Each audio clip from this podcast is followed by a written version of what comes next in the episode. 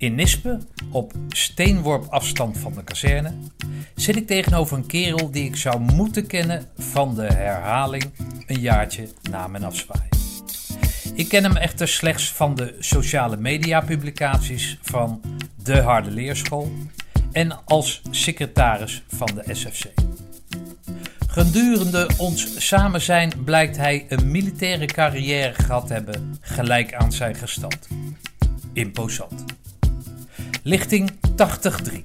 In deze aflevering van de Mutstas podcast. Het levensverhaal van commandokaptein buitendienst Ron Aartsen. Kapitein buitendienst Ron Aartsen, 57 10 21 005.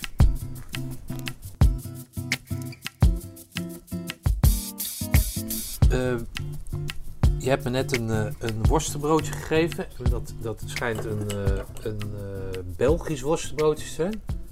Want we zitten tegen de grens van België. Klopt. Waar zitten we? In? In Nispe. En waar kennen wij Nispe van? wij kennen Nispe van Roosendaal en Nispe. Alleen inmiddels is Roosendaal natuurlijk de gemeente en Nispe die, die hangt er een beetje tegenaan als kerkdorp. Oké, maar Nispe binnen die ACO had Nispe een, een wat... Ja, vaak wel. Als de, als de afmatting in Zeeland werd gedraaid, dan, uh, dan kwam die eigenlijk altijd uh, in de, in de uh, nacht door Nispe heen. En dan werd er hier lokaal bij een boer werd dan wat gegeten, wat gedronken de nacht. Um, en dan kwamen ze hier voorbij en uiteindelijk, commandant ECO die dat leuk vonden, die stopte hier wel eens voor de deur. En, oh, is dat zo, ja? En dan stond de hele ECO hier voor de deur te zingen. En wat zongen ze dan? Het commando. Oh, ik niet, niet, uh, niet dus. een Ron, uh, weet ik wat. Nee, nee, nee. nee, nee. Dus Zo'n goeie hebben. Ja, moesten ze zich hier dan melden. Oh, en dan, uh, ik, was de, ik was de burgemeester van Ispe. Hmm. En dan, ja, werd het commandolied gezongen. Okay. En toen ik op een gegeven moment erachter kwam dat ze bij, bij een boer hier koffie dronken, toen heb ik tegen die toenmalige commandant Erik Wegenwijs gezegd van nou, dat gaan we niet meer doen, Weeg. Als je hier door het dorp heen komt, kom je bij mij met die gasten koffie drinken. Dus uiteindelijk stond de hele commandoopleiding hier in de tuin. Oh, leuk.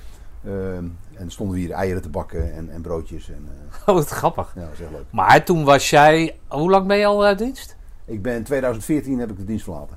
Oh, dus het is nog, nog niet zo gek lang geleden dat je de... In mijn ogen wel. Ja, is dat lang geleden? Nou ja, ik vind de tijd hard gaan. 2014, dat is zeven jaar geleden. Dus ik ben al zeven jaar weg. Oké, okay, maar hoe lang heb je in, in de dienst gezeten in totaal? Uh, ik denk uh, 38 jaar, waarvan 35 jaar bij het korps. Oké, okay, maar dan is 7 jaar, ja, oké. Ja, 7 jaar lang dan. 38 jaar. Waar ben je, waar ben je, waar ben je begonnen? Ik ben opgekomen als burger op de KMS, rechtstreeks. En uiteindelijk de infanterieopleiding Harderwijk. Uh, en van Harderwijk zou ik naar het 47e bataljon gaan in Havelte. Alleen ik werd in de tussentijd in Harderwijk geselecteerd door de toenmalige major Knetsch en Theo Frederiks. Ehm, en uiteindelijk mocht ik naar Roosendaal gelijk. op voorwaarde dat ik dan instructeur zou worden als ik zou halen bij Panzerstorm. En dan weer terug naar de infanterie. Dus ik ben rechtstreeks van de KMS naar, naar het korps gekomen is, dat wordt vaak als, maar dat, dat zijn dan vooral de kerels die eerst een tour uh, panzerinfanterie hebben gedaan of zo. Ja. Die zien dat vaak als nadeel. Ja, ja dat werd me ook wel eens verweten. Uh, van, uh, nou ja, zou je niet eens een keer buiten de poort gaan kijken en zou je niet eens een keer wat ervaring bij andere eenheden op gaan doen? Nou, daar was ik ook wel, wel voor te porren. Ja. Alleen ik, was wel, ik wilde wel een operationele functie gedaan hebben bij het korps. Hè. Dus uiteindelijk heb ik gevraagd of ik een, een tour als, als ploegcommandant mocht draaien. Dat, dat kon officieel niet, want, want ploegcommandanten dat waren dienstplichtige sergeanten. En er zaten eigenlijk maar twee beroeps bij zo'n club. Dat was de pelotonscommandant en de, de OPC, de, de, de PS, de pelotonsergeant. en de rest waren allemaal dienstplichtigen. Alleen uiteindelijk heb ik het toch voor elkaar gekregen en mocht ik een tour draaien als ploegcommandant bij de 104.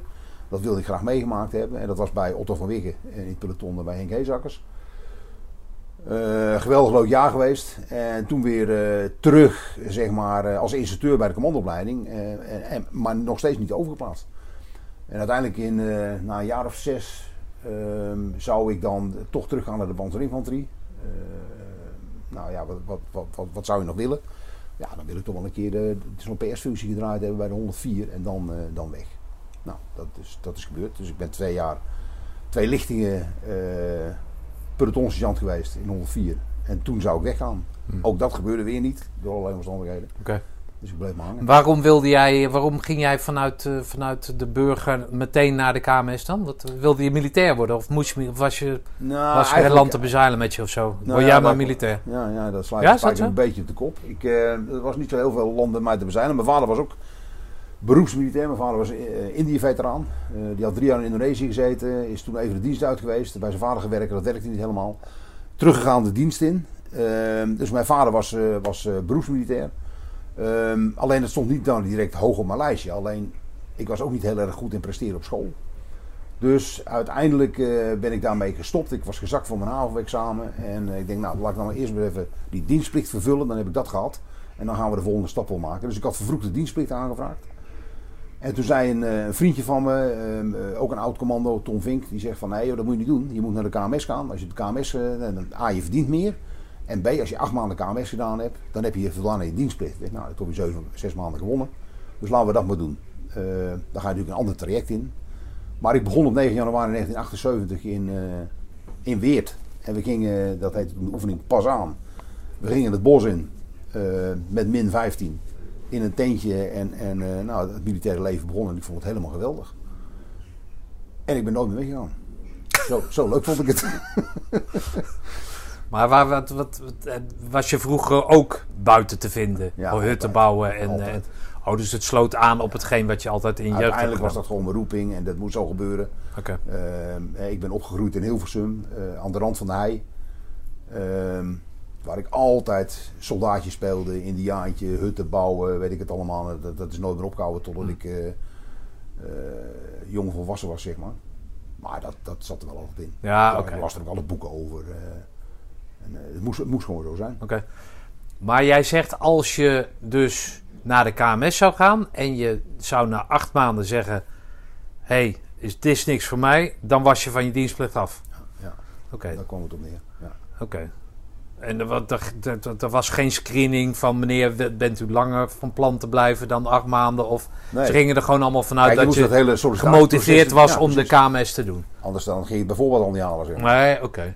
Hey, en en, en dat, wat, waren dat allemaal mensen die, die in bossen hadden gespeeld en, eh, en hutten bouwen? En, eh, Die bedoelt op de KMS? ja? Eh, nee, ik zat, ik zat toevallig in een club met, met ex-dienstplichtigen. Dus die hadden sowieso al een Oh, die tijd, hadden eh, keus echt gemaakt. Ja, die hebben echt een keus gemaakt. En, nou ja, goed, het, het, gros van de jongens die wilden wel heel graag militair worden. En Ja. om verschillende redenen. Want er waren jongens bij, die waren echt helemaal gek van voertuigen. Dus die, die wilden per se naar de aan- en aftroep heette dat toen nog. Eh, de anderen die, die, eh, ja, die gingen naar de geneeskundige troep. Het waren allemaal wel instructeursfuncties, zeg maar. Maar Hm. ja, die mogelijkheden waren er gewoon. En ik wilde per se naar de infanterie. Oké. Dus jij gaat naar eh Roosendaal, of er wordt geworven dan, of zo? Er is dan een Nee, stand vanuit waarin... de KMS, vanuit, vanuit Weert ging je zeg maar eerst naar de, de, de, de infanterieopleiding, wapentechnische opleiding in, in Harderwijk. Dat was 15 maanden. Ehm, en in die 15 maanden ergens kwam, kwam, kwamen een aantal mensen uit Roosendaal en die gingen een verhaal vertellen over, over commando's. En ik, ik kende daar een paar verhalen van, want ik kende de verhalen van Westeling van mijn vader. En, en eh, de Charles Schuilenburg, eh, die zat daar in de Jean op, eh, opleiding. Eh, die kende ik weer via iemand anders, dus die, die, die sprak ik daar ook. En nou ja, goed. Uiteindelijk was ik wel geïnteresseerd geraakt in, in, in dat korps. Ehm, je gaat allemaal vanuit de KMS op gevechtscursus in Roosendaal twee weken. Eh, dat was nou niet per se een hele leuke ervaring. Dus dan had ik al zoiets van, nou, die, die commanders zijn hartstikke gek. Daar, daar wil ik helemaal niks mee te maken hebben. Dat is Want wat was er niet zo leuk aan dan? nou, je werd er behoorlijk afgeknepen, zeg maar. En mijn, mijn commandant toen vond dat ik wel geschikt was voor Roosendaal. Dus ik ging daar eh, tijdens Panzerstorm of tijdens de gewichtscursus eh, werd ik gekeurd eh, door, door de S1 eh, toen, hoofdpersoneelszaken. En toen ik terugkwam bij de club, vroegen de instructeurs van... Zo, je wil commando worden? Nou, nou, nou, ja, nou ja... eh, nou ja, Gekeurd? Je kreeg een gesprek of werd ja, ik kreeg lichamelijk een gesprek en, eh, en je moest een seintest doen. Ja, oké. Ja, dat was het. Oké, maar dat is dan toch wel een schouderklopje dan, toch? Of zo? Of zag je dat niet zo? Jawel, maar dan ben je nog niet overtuigd van, je, van, van het feit dat het allemaal gaat lukken, zeg maar. Er zit natuurlijk Nee, een afbreukrisico aan. Ja. Dus eh, je bent toch een beetje voorzichtig. Maar ja, uiteindelijk kruipt het bloed waar het niet gaan eh, kan, zeg maar. Dus uiteindelijk heb ik toch die keuze gemaakt. Oké. Ehm, en ben ik naar Roosendaal gegaan. Ja, en, maar dan kom je daar aan en als Nulli, nu- Nulli Shadow, Sh- toch? Niet? Nu, Ja. Nu, ja? Ja, een beetje, ja ik, ik moest me melden in mijn DT met Nulicedo en een platte pet. Dat. Ja, oké. dus dat betekent dat je nog niet aan een bepaald onderdeel bent toegevoegd, hè? of tot een Nee. onderdeel behoort. Je bent dus in een soort luchtledige. Ja. Dat ziet ook iedereen aan je. Ja. Hè? Dus Ja. en, die, en die baret en dan ook nog een blanco baret. Het was nog erger, een platte pet. Hoezo had jij een pet op? Ja, als je een DT... eh, Is dat zo? Zo'n pet eh, zo'n officierspet. eh. Goed, dan sta je wat voor lul. Klopt. maar je mocht geen baret eh, dragen. Nee, dat was het tenue waarin je meldde. Oké. Dus maar gewoon als je een gevechtspak aan hebt, had je Nee, toch geen dat- pet op nee, wel? dat niet. Nee, oh, oké.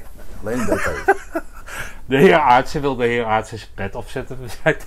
Oké, en ja, ik vind het altijd mooi, dat verhaal van de onderofficiersmes. Dus jij komt daar, want jij bent, je bent een stevige kerel. Hè? Dus je, je, je doet, voldoet aan de, aan de uiterlijke kenmerken van een commando, om het zo maar te zeggen. Maar dan kom je met dat Nelicedo-ding kom je aan. En dan kom je in die onderofficiersmes. Vertel mij dan, daar geniet ik altijd van. Ik ken die hele onderofficiersmes niet. Maar dat verschil tussen en hoe die mannen jou dan, dan empathisch opvangen. nou ja, jij zegt dat, dat, dat je wat ben. Je bent helemaal niks als je in Roosendaal aankomt. Nee, dat bedoel Helemaal Minder dan niks. Dus, eh, nou goed, je wordt eh, uiteraard gewoon heel netjes opgevallen, eh, opgevangen. Maar ik, ik liep daar eh, Julius Breienburg tegen het lijf en, en ik wilde me netjes voorstellen. En die liep gewoon door. Die, die keek me nog niet eens aan, zeg maar, weet je. Dus dat was de eerste teleurstelling. Ehm, ik zat samen met mijn maatje daar, Kees van Esdonk. ehm, die het jammer genoeg niet gehaald heeft. Geweldige kerel. Ehm, met z'n tweetjes. En we waren eigenlijk een beetje te vroeg. eh, want eh, de, de vooropleiding was al begonnen. Dat was in de zomerperiode, dubbele lichting. Dus wij liepen vier weken een beetje mee met die, eh, met die eerste vooropleiding. Voordat we zelf uiteindelijk de vooropleiding in zouden gaan. Dus we zaten niet echt aan die club vast. Maar we kregen allerlei klusjes. En, en, van, van, van de korpsadjudant tot, tot de instructeurs om, om, om na te fietsen en te rijden. En, ehm, maar goed, s'avonds ja, dan moesten we onszelf natuurlijk een beetje vermaken. Dus naast wat sport en, en, eh, en bewegen gingen we dan een kopje koffie drinken in de onderofficieren. En we deden dat eh, op een dusdanig manier dat we, om de beurt de beurt hadden, zeg maar. Dus één van de twee ging bestellen. En de ander die verstopte zich achter de muur. Ehm, en als er meer dan twee baretten eh, zeg maar in de kap, op de kapstok lagen, dan gingen we al sowieso niet naar binnen, want dat was levensgevaarlijk. Ehm, dus, dus minder dan twee, dan durfde het al aan. Maar dan- minder dan twee betekent dat die hele mes leeg was. Ja, een beetje wel. Oh, oké. dat Ja, was ja, wat later. En, eh, maar goed, eh, op, op een zeker moment komen we, komen we binnen met z'n tweeën. Er lagen eh, maar één of twee baretten. Dus het was een soort van veilig. En, en we komen binnen en er zitten een aantal mensen aan de bar. En, en Kees is aan de beurt om te bestellen. Dus ik, ik verstopte mij ergens in een hoekje. Kees gaat bestellen. En er zat een, eh er zat een jambior aan de bar eh, met zijn hoofd te rusten op zijn armen. En toen die Kees iets hoorde bestellen, keek hij op, zag mij in het hoekje zitten, pakte een stoel, kwam op mij af en riep: Kill the ball! We hebben nog nooit zo hard gelopen. en, en, eh, en, weg. Nou ja, dat is, eh, later heb ik heel leuk met die man gewerkt, moet ik zeggen. En ik ontmoet hem eh, nog regelmatig. Hij, hij heet Hump. Van Woudenberg. Ja, ja. Fantastisch. Dus maar ja, toen zeiden, we, toen zeiden we tegen elkaar, toen we weer buiten liepen, veilig waren, zeiden we Kees, die lui zijn gek hier zo. Zo gaan wij niet worden. Nou ja. Is dat was een gelukt? b- beetje. Oké, maar op een gegeven moment dus, jij vertelt dubbele lichting, zomer, en dan op een gegeven moment word je aan een peloton, of aan een opleiding eh, opgehangen, of een lichting. Ja. En dat is dan de lichting die daarna komt dan. Ja, dus die, die eerste, dat was dan 82 denk ik of zo. Want ik zat aan 83 vast en dat waren ja, die splichtige opkomstjaren. Ehm, en in de zomer kwamen er altijd, eh, was er altijd een dubbele lichting. Hè? Dus als de ene E-show afgelopen was, Ja. was de, was de voor of de ene E-show eh, eh, Trek hem even tussen je armen. Ja, dan dan, eh, een soort ehm, ja. dan startte de volgende vooropleiding eigenlijk al.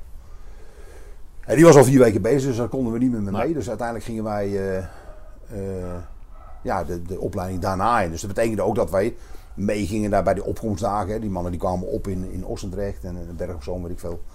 Ehm, En dan, be- dan begon hun dienstplichtige leven, zeg Ja. maar. En wij waren daar gewoon instructeur, zeg maar. Ja, Eh, in- Hoe voelt dat dan? Voelt, dat- voelt dat wel van, hé, hey, dit, met deze jongens moet ik het gaan doen? Ja, dat is wel, wel anders dan anders. Ja, Maar ja, goed, aan de andere kant, die mannen weten natuurlijk nog niks. Hè, dus je leert ze eh, in feite alles.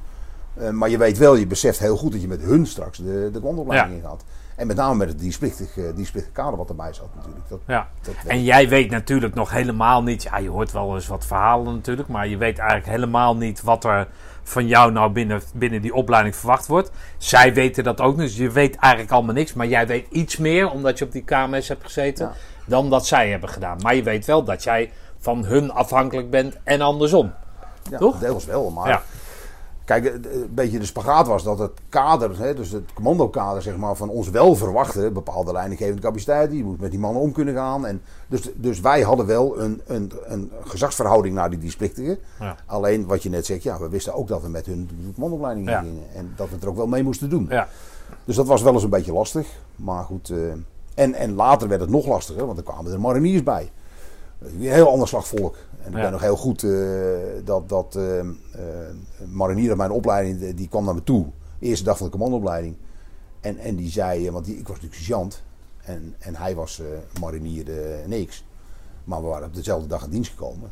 Dus wanneer ben jij in dienst gekomen? Zei hij dan tegen me, weet je wel. Ik zei, ja, toen en toen. En dan denk ik, oh, daar ga ik problemen mee krijgen. dus die heb, ik, die heb ik toen maar tactische zet tentcommandant gemaakt. Ik denk, nou heeft hij in ieder geval een titel en dan eh, komt het wel goed.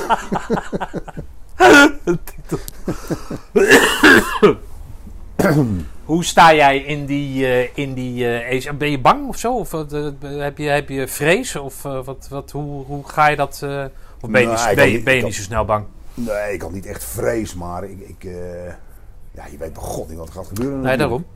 Dus ja, onzekerheid was het natuurlijk wel, absoluut. En je had ook wel, eh, wel zo van, nou, eh, wat ervaringen met instructeurs al, bijvoorbeeld vanuit die gevechtscursus of, of eh, in de- tijdens de, dat hele voortraject.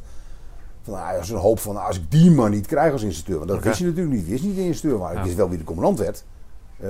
Maar wie de instructeurs, dat wist je niet. Maar die commandant, die had toch ook een bepaalde naam? Karel Lefebvre. Ja, maar goed, ehm, Als zijnde spijkerhard. En wat ik dan heb begrepen hoor, toen de tijd.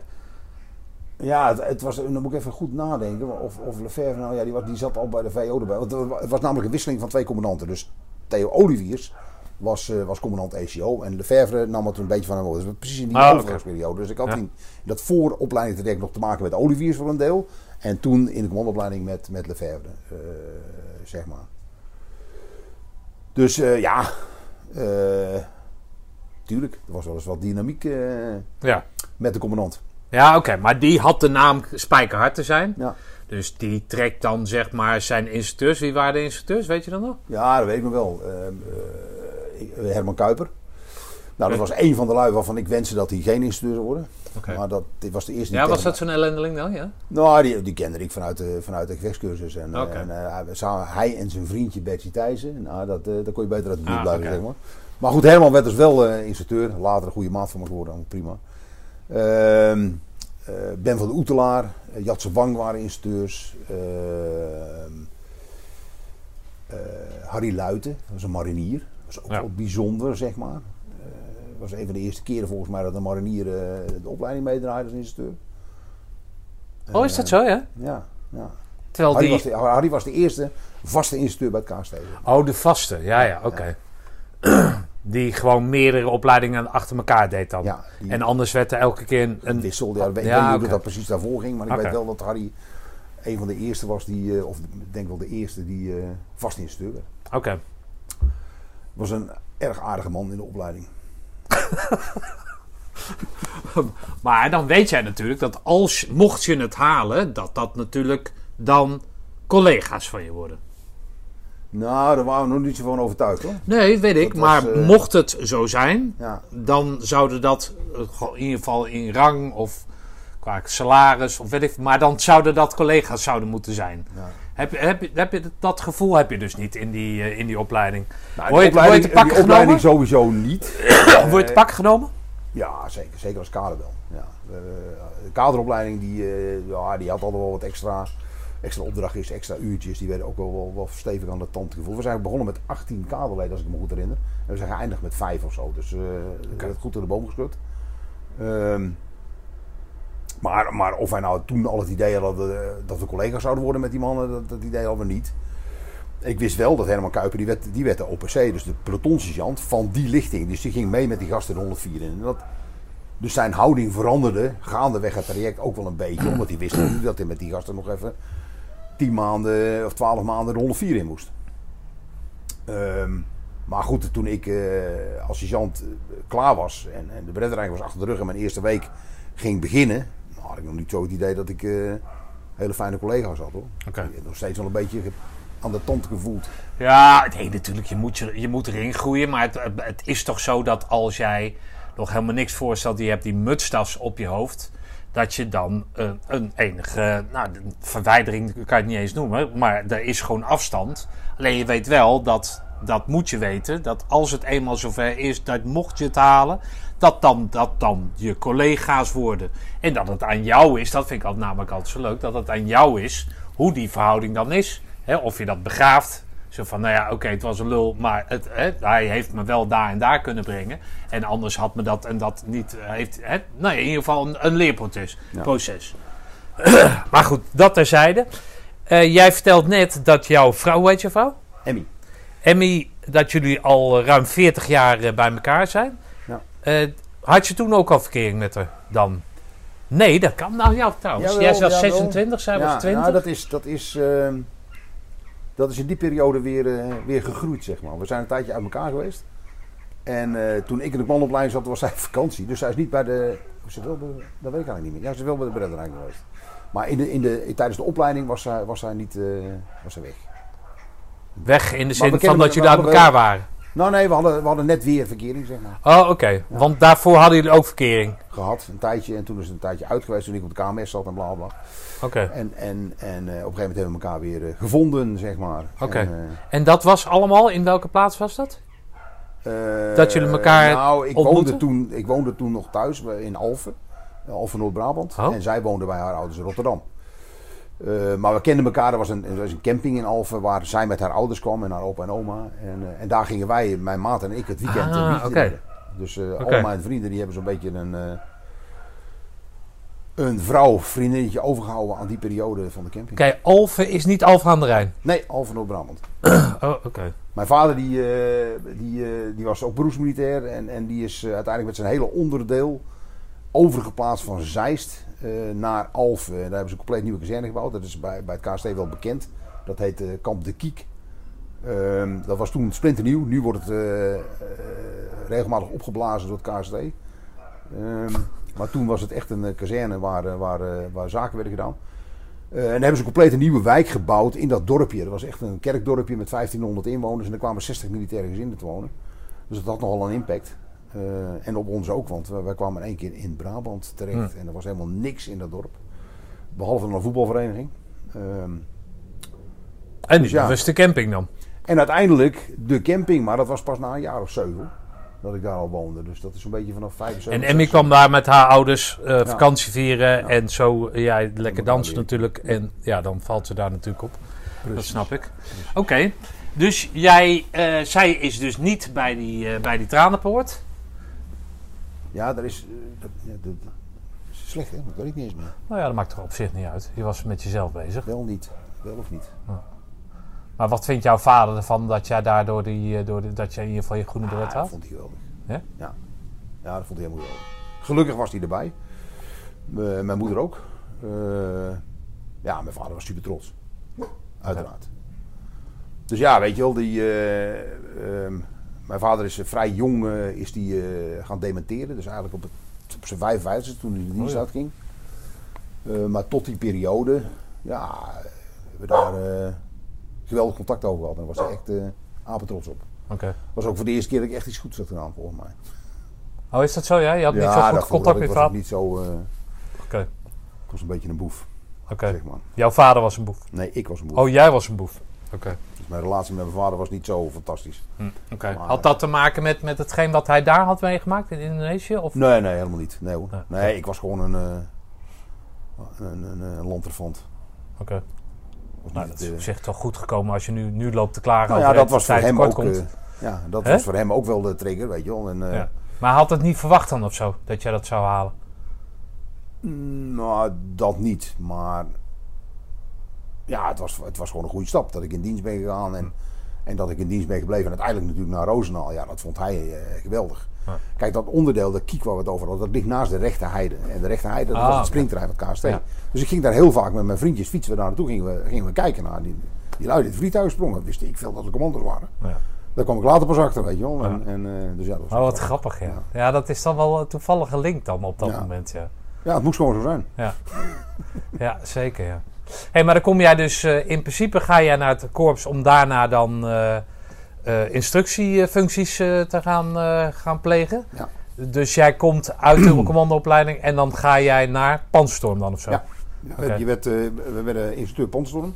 En ik, ik werd onder de hoede genomen van Jan Bokhoven. Dat was, was onze, samen met, met Ger Kuiper overigens van de Lichting Na. En John Bravenboer, die zat bij mij in de commandoopleiding. Dus wij met z'n drieën werden ingewerkt bij, bij Panzerstorm uiteindelijk.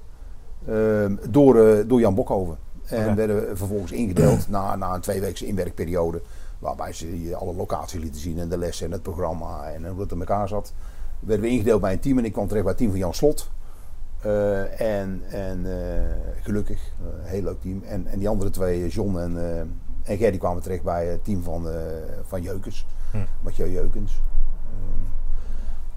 En, en dan ging je gewoon eh, in, in de molen, zeg maar. Dat was elke twee weken een, eh, een nieuwe club.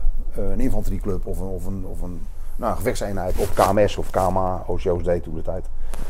Ehm, en daar draaien we de programma's mee. Nou, leuk tijd. Hartstikke leuke tijd. Absoluut. Absoluut. Maar jij zegt even, sorry, maar jij zegt dat je dus daarna, hè, dus die, die Tours 104 doet. Maar is het, dan, is het dan eigenlijk niet gek dat je dat dan niet eerst moet doen voordat je panzerstorm gaat doen? Want wat heb jij nou zeg maar meegemaakt op militair gebied als je KMS hebt gedaan en, en die ECO hebt gedaan? Ja, dat is ook zo. Kijk, ik, ik was natuurlijk wel opgeleid als infanterist, weet je wel. En, en, eh, en daar was ik, nou, al zeg ik het zelf, best wel goed in. Ja. Ehm, je, je hoeft natuurlijk niet zo heel veel praktijkervaring te hebben om een goede instructeur te kunnen zijn. Want dat is gewoon een, een afgemeten lesje met standaard dingetjes en, en, en Ja, de inhoud, weet je wel. Dus dat stelde allemaal niet zoveel voor. En, en als jij goed kunt eh, observeren en, en, eh, en zien wat er gebeurt, dan kun je ook prima iets beoordelen. Ja, nee, natuurlijk. Ja, ik, ben, ik denk dat meer zo van nou, dat, dat je dan eerst zelf uit een IPR hebt moet, moeten springen 30.000 keer voordat je weet wat Nou, het... dat was ook wel gebeurd. Want kijk, Oh, in je KMS-tijd? nou ja, goed, de opleiding was 27 maanden, dus daar, daar gebeurt wel wat. Ja, oké. Ja, nee, dat is ook wel weer zo. En Ja. Dus we hadden, we hadden het vak wel. Het vak leerde je toen echt Ja, eh, tot, tot op het detail, zeg maar. Oké.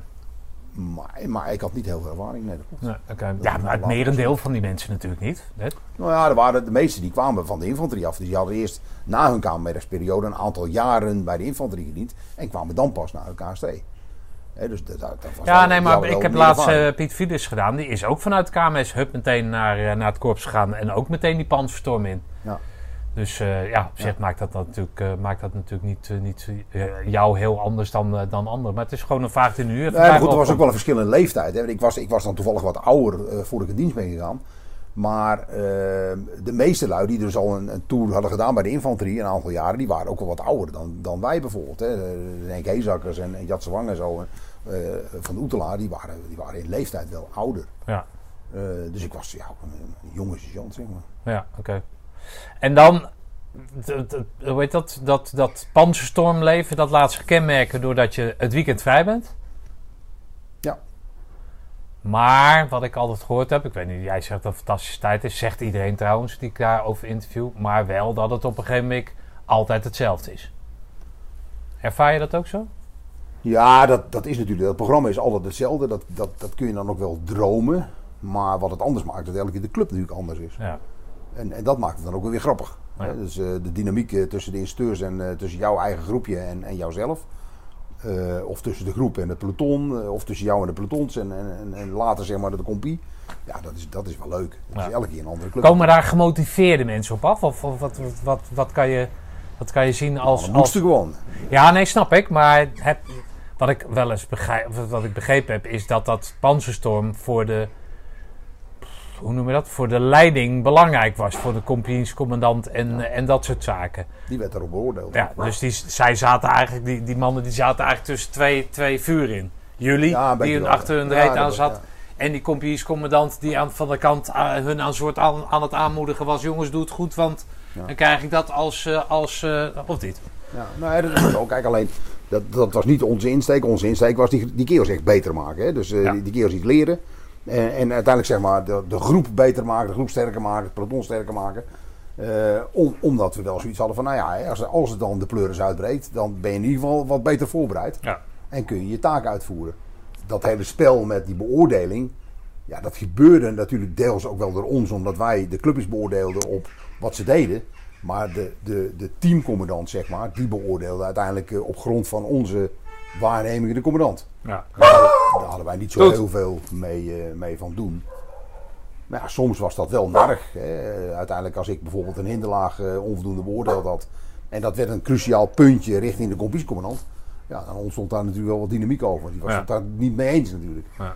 En, en, en dan was ik toch wel een jonge sergeant, zeg maar. eh, die Ja. dan in, Nee, in conflict kwam met een major, weet je Ja. wel. eh, ja. Maar die, wat jij zegt, die jongens die moeten. Dus die, die, die, die staan daar een soort als geslagen honden, wetende dat ze twee weken hè, ertussen worden genomen. Of eh, worden, worden, nou ja, in ieder geval onder druk worden gezet.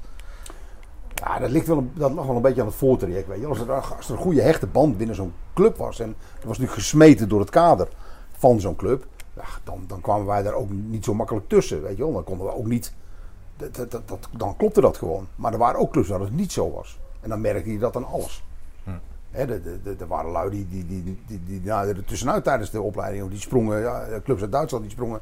Aan de grens sprongen ze uit de viertonnen en die gingen er vandoor. Weet je wel. Die wilden gewoon niet naar Roosendaal toe. ook dat gebeurde. Ja, oké. Ja.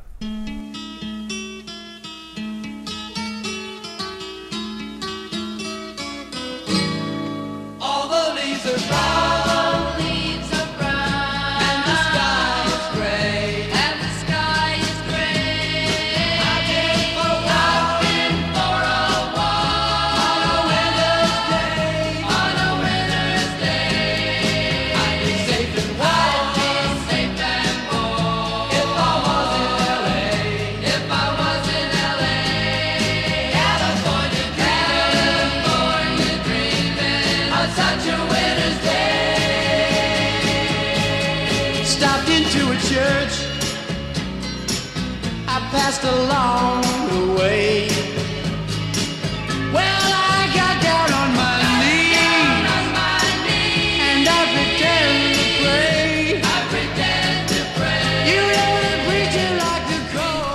Maar heb, je, heb jij ook het gevoel gehad. eh, of eh, kwam je wel eens tegen dat er dan zo'n club kwam, ongemotiveerd? Nou, het is niet anders, dit is ons lot. En had je, die twee, had je dan het gevoel dat je ze echt beter kon maken? Het was natuurlijk de ko- Koude Oorlogtijd. Hè? Jij zegt van ja, als, als er dan wat zou gebeuren, nou, de, de, de kans dat er wat gaat gebeuren is, is natuurlijk altijd aanwezig. Maar toen, ja, ik weet zelf niet, maar ik had nou niet echt het idee dat die Russen zo binnen konden vallen. Nou, die hadden wij wel. Ja, dat, dat, Nou, toch ja? serieus, eh, serieus bezig, zeker wel. Zaten jullie, zaten jullie echt zo in de wedstrijd?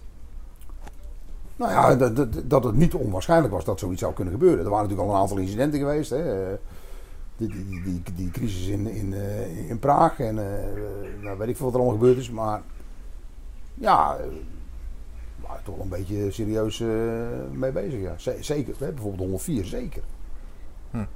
Ja, we zagen dat echt wel als een dreiging. En als een, als een reële kans dat dat een keer zou gebeuren.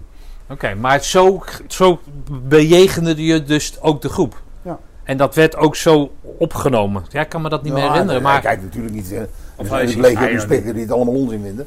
ja. Hè, die, die, die, die, die, ja, die, die waren sowieso niet te motiveren. maar er waren er ook wel bij die dat wel vonden. En, nou het lag ook een beetje aan hoe zo'n hoe zo'n zo'n sergeant, zo'n zo'n zo'n groepscommandant met, met zijn kerels was. En er waren gewoon hele goede bij, hele goede clubjes ook, die dat echt wel begrepen. Hm. En wat ik opvallend vond in die tijd waren het eigenlijk altijd vaak de, de, de, de, de hospikken, zeg maar. Hè, dus de medische jongens in zo'n club, die ontzettend goed waren. Weet je, Oh ja? waren altijd bezig met pleistertjes plakken en die mannen verzorgen en zo. Vergaten hun eigen ellende een beetje. Het waren, het waren echt toppers. Er zaten gewoon hartstikke goede kerels bij. Oké. Ja, grappig. Ja, je hebt het over die motivatie. Maar ja, ik had zelf... ik had nou niet echt het gevoel. Nou, dat kwam ook, en dat zeg ik elke keer. Het kwam natuurlijk ook op de manier waar, waar eh, de middelen, weet je wel, die, die, die, die, die trapgenerator en dat zouden. Ik denk, nou ja, al zouden we, weet je wel, ingezet worden, dan ben je toch met een, met, met een, met een hond met één oog en één neusgat, die, die speuren jou zo op. Eén. En twee, dat geluid, dat, dat raagt zo ver, daar word je altijd op. Ja, dus het was, het was een wat mij betreft was het een beetje van, ja, maken we kans, weet je wel. Het heeft, heeft het zin überhaupt dat we daarheen gaan, omdat we, omdat we zo, nou ja, beperkt eh geoutilleerd waren, vond ik, in ieder geval.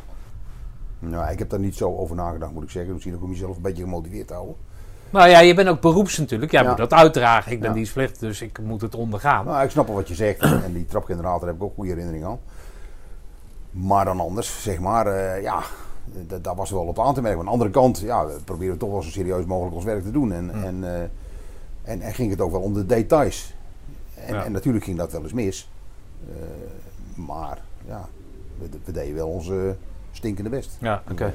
Hey, dan, eh, dan word jij dus eh, sergeant. Hè? Als sergeant heb je een, een loopbaanplanning.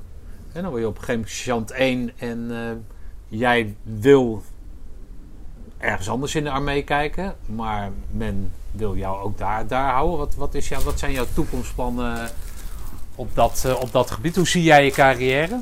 Nou goed, ik, ik, ik, ik, was, ik was echt blij bij de infanterie. Ik vond de infanterie vond ik geweldig. Dus ik, eh, ik wilde heel graag toch wel weer eh, uiteindelijk naar dat 47e.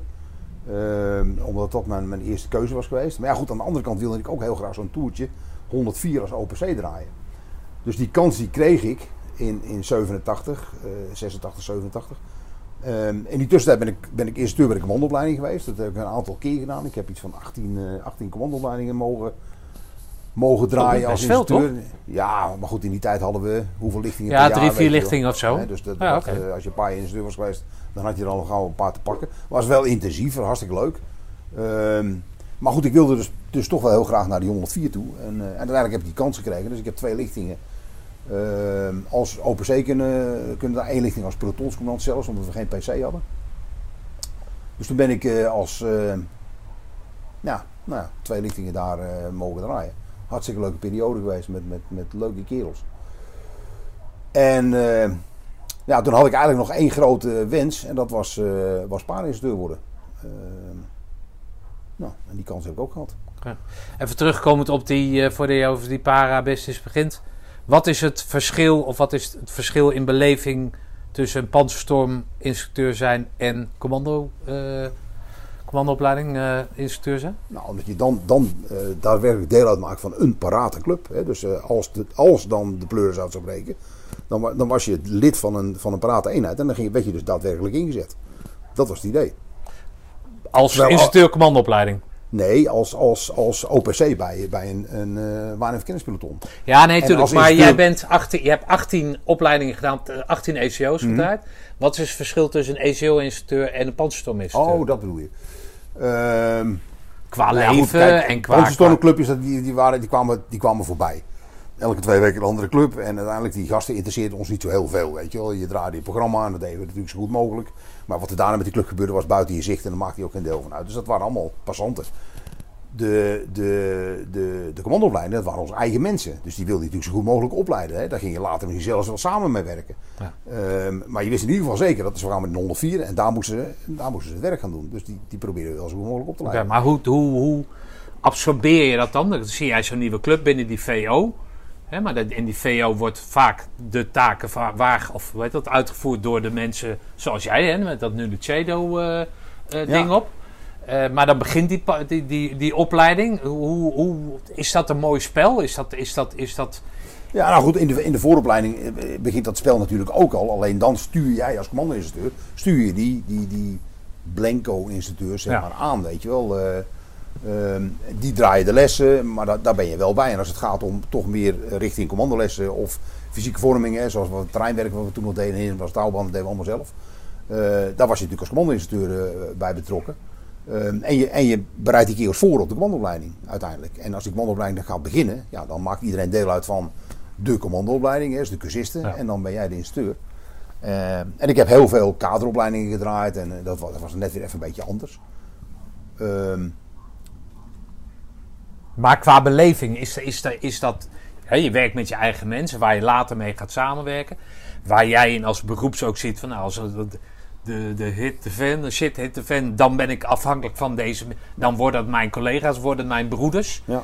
Hoe, hoe is dat dan qua, qua opleiden? Hoe, eh, hoe, hoe, hoe Ja, treed kijk, je die begin- tegemoet? je, je, je, weet, je weet dat in het begin valt het er heel veel af. Hè? Dus uiteindelijk is in het begin natuurlijk met name schudden aan de, aan de boom om, om, om de nou ja, wat, wat, wat mindere eruit te halen.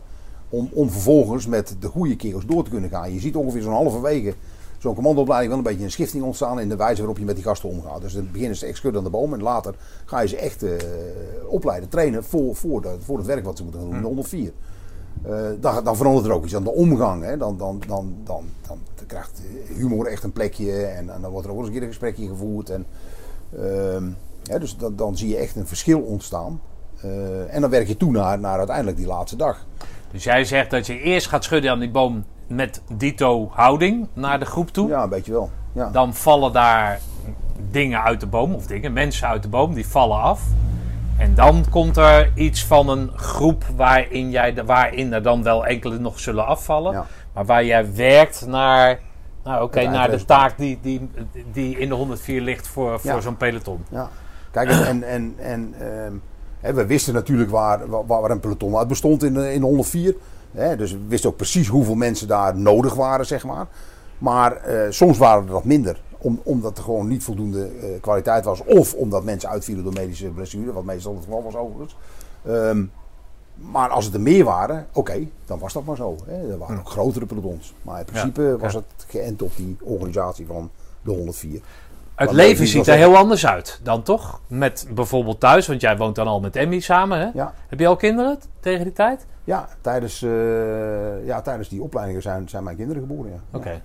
Dus dan heb je dus kleine kinderen. Nou, je hoeft bijna denk ik niemand met kinderen uit te leggen wat dat dan eh, betekent. Nee, Maar jij staat dan bij nacht en ontij op de hei, zie ik dat goed? ja, daar komt het wel op neer. Hij is hier om de hoek, dus dat scheelt.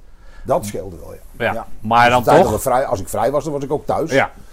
Ehm, maar ja, we waren, waren, zo'n opleiding was je gewoon acht weken aan de bak. En we wisselden elkaar natuurlijk af. Dus, Ja. ja. Maar hoe doe je dat thuis dan? Hoe, eh, hoe staat Emmy erin? Ik, ik deed helemaal niks thuis, dat deed zij. Zij, zij eh, was, de, was eh, het anker hier zo. En zij heeft de kinderen opgevoed. Ehm, Ja, maar dan kom jij binnen en, en dan, dan wat, wat, wat dan, stonk ik, dan stonk ik naar vuur. En eh, ja? dan moest ik me douchen. Ga, dan lekker, ga maar even lekker zitten, schatje. Wil je, wat- wil je wat drinken? Nee, hoe gaat dat dan? Nee, dat is...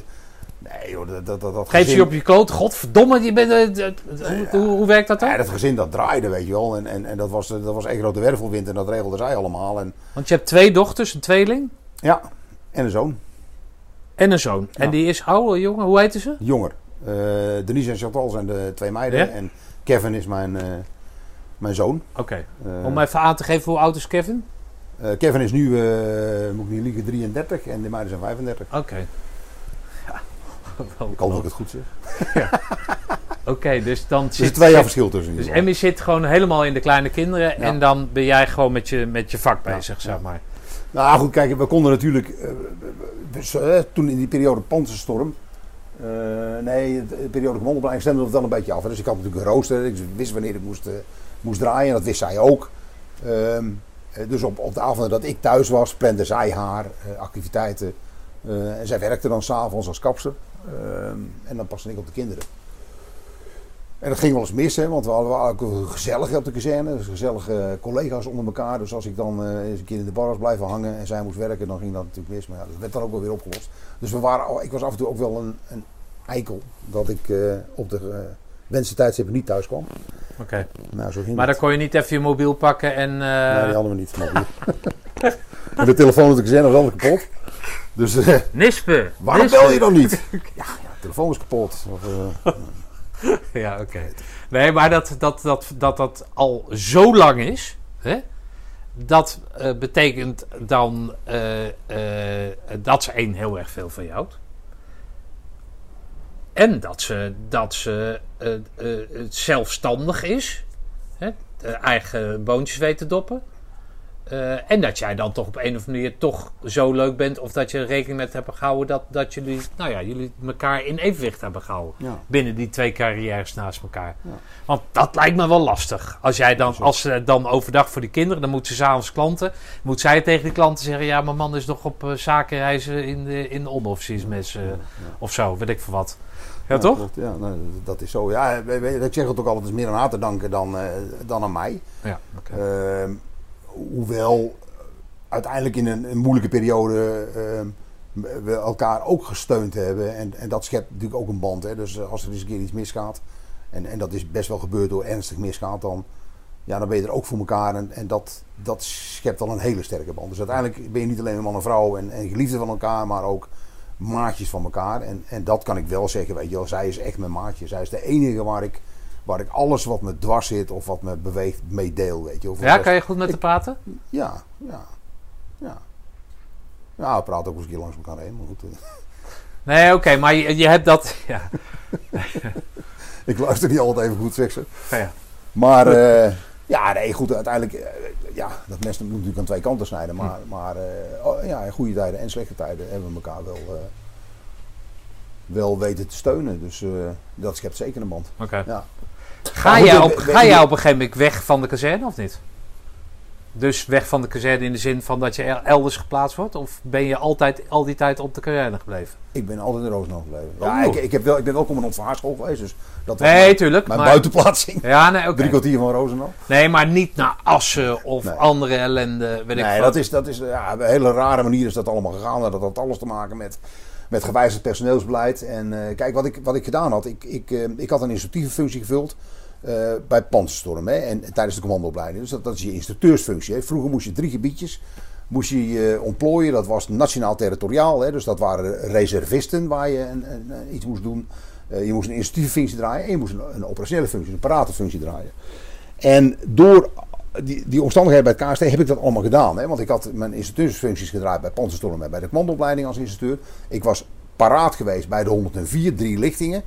En in die periodes dat ik bij de 104 zat, eh, bereidde ik die kerels voor in de laatste weken van hun dienstplichttijd op hun territoriale Ja, ja. taak Ah, eh, bij het commandotroepenbataljon. Ah, ah. Dus Slim. we hadden toen 305 commandotroepenbataljon en ik was reservist in dat commandotroepenbataljon. Dus ik heb een aantal herhalingen eh, mogen, mogen draaien met die gasten. Fantastisch. Waarbij zo'n compie uiteindelijk eh, in zijn geheel opkwam. Zo'n commandotroepencompie. Ehm, en dat deden we dan met, eh, met beroepskader. Hè. Dus eh, bijvoorbeeld eh Werner van den Berg was kompietscommandant. Piet Filius was de CSM. Ehm, en drie OPC'en. dat waren John Bravenboer, dat was ik en, en André Smits. En dan kwam zo'n zo'n kaderclub kwam dan eerst op. Nou, dan ging je daarmee aan de slag. En vervolgens kwamen de mannen op. En dan ja, had je een hele periode van vier weken waar je die mannen aan het oefenen en trainen was met een eindoefening. En dan gingen ze weer naar huis, zeg maar. Ja. En dat was dan. hè, Dus, dus daar had ik ook mijn, eh, mijn nationaal-territoriale taak had ik, eh, vervuld. Dus eigenlijk had ik al die drie gebiedjes had ik gedaan. En, en vroeger kreeg je daar een vinkje voor. En als je drie vinkjes had, nou ja, dan was je vrij om te gaan met te staan waar je wilde. Dus de noodzaak om uiteindelijk naar de infanterie te gaan, carrière technisch, was er niet. Nee, oké. Ook qua uitdaging is. Nou, wel, want, want ik wilde dat best wel heel graag. Hè. Ik, ik vond de infanterie bijzonder aantrekkelijk. Maar het KST was aantrekkelijker. Wat ik hier kon doen, was aantrekkelijker dan daar. En, En je mocht ook dingen doen. Want en ik je- mocht dat doen. Ja. Dus die kans heb ik gekregen. Ja. Dus ik, ik, ik kon uiteindelijk mijn, mijn wensen, die kon ik verwezenlijken hier zo. En dat was fantastisch. Ja. En uiteindelijk komt er een periode dat je champion moet worden. En dan ging je, al, dan ging je zeker weg. 100% zeker weg. Alleen toen ik in de championsopleiding zat, kwam er een gigantische reorganisatie. En wij zaten met 26 man in de klas of zo. 26 infanteristen. Waarvan Leo Rojakkers en ik met z'n tweetjes van het KST waren. En de rest eh, was dan infanterie.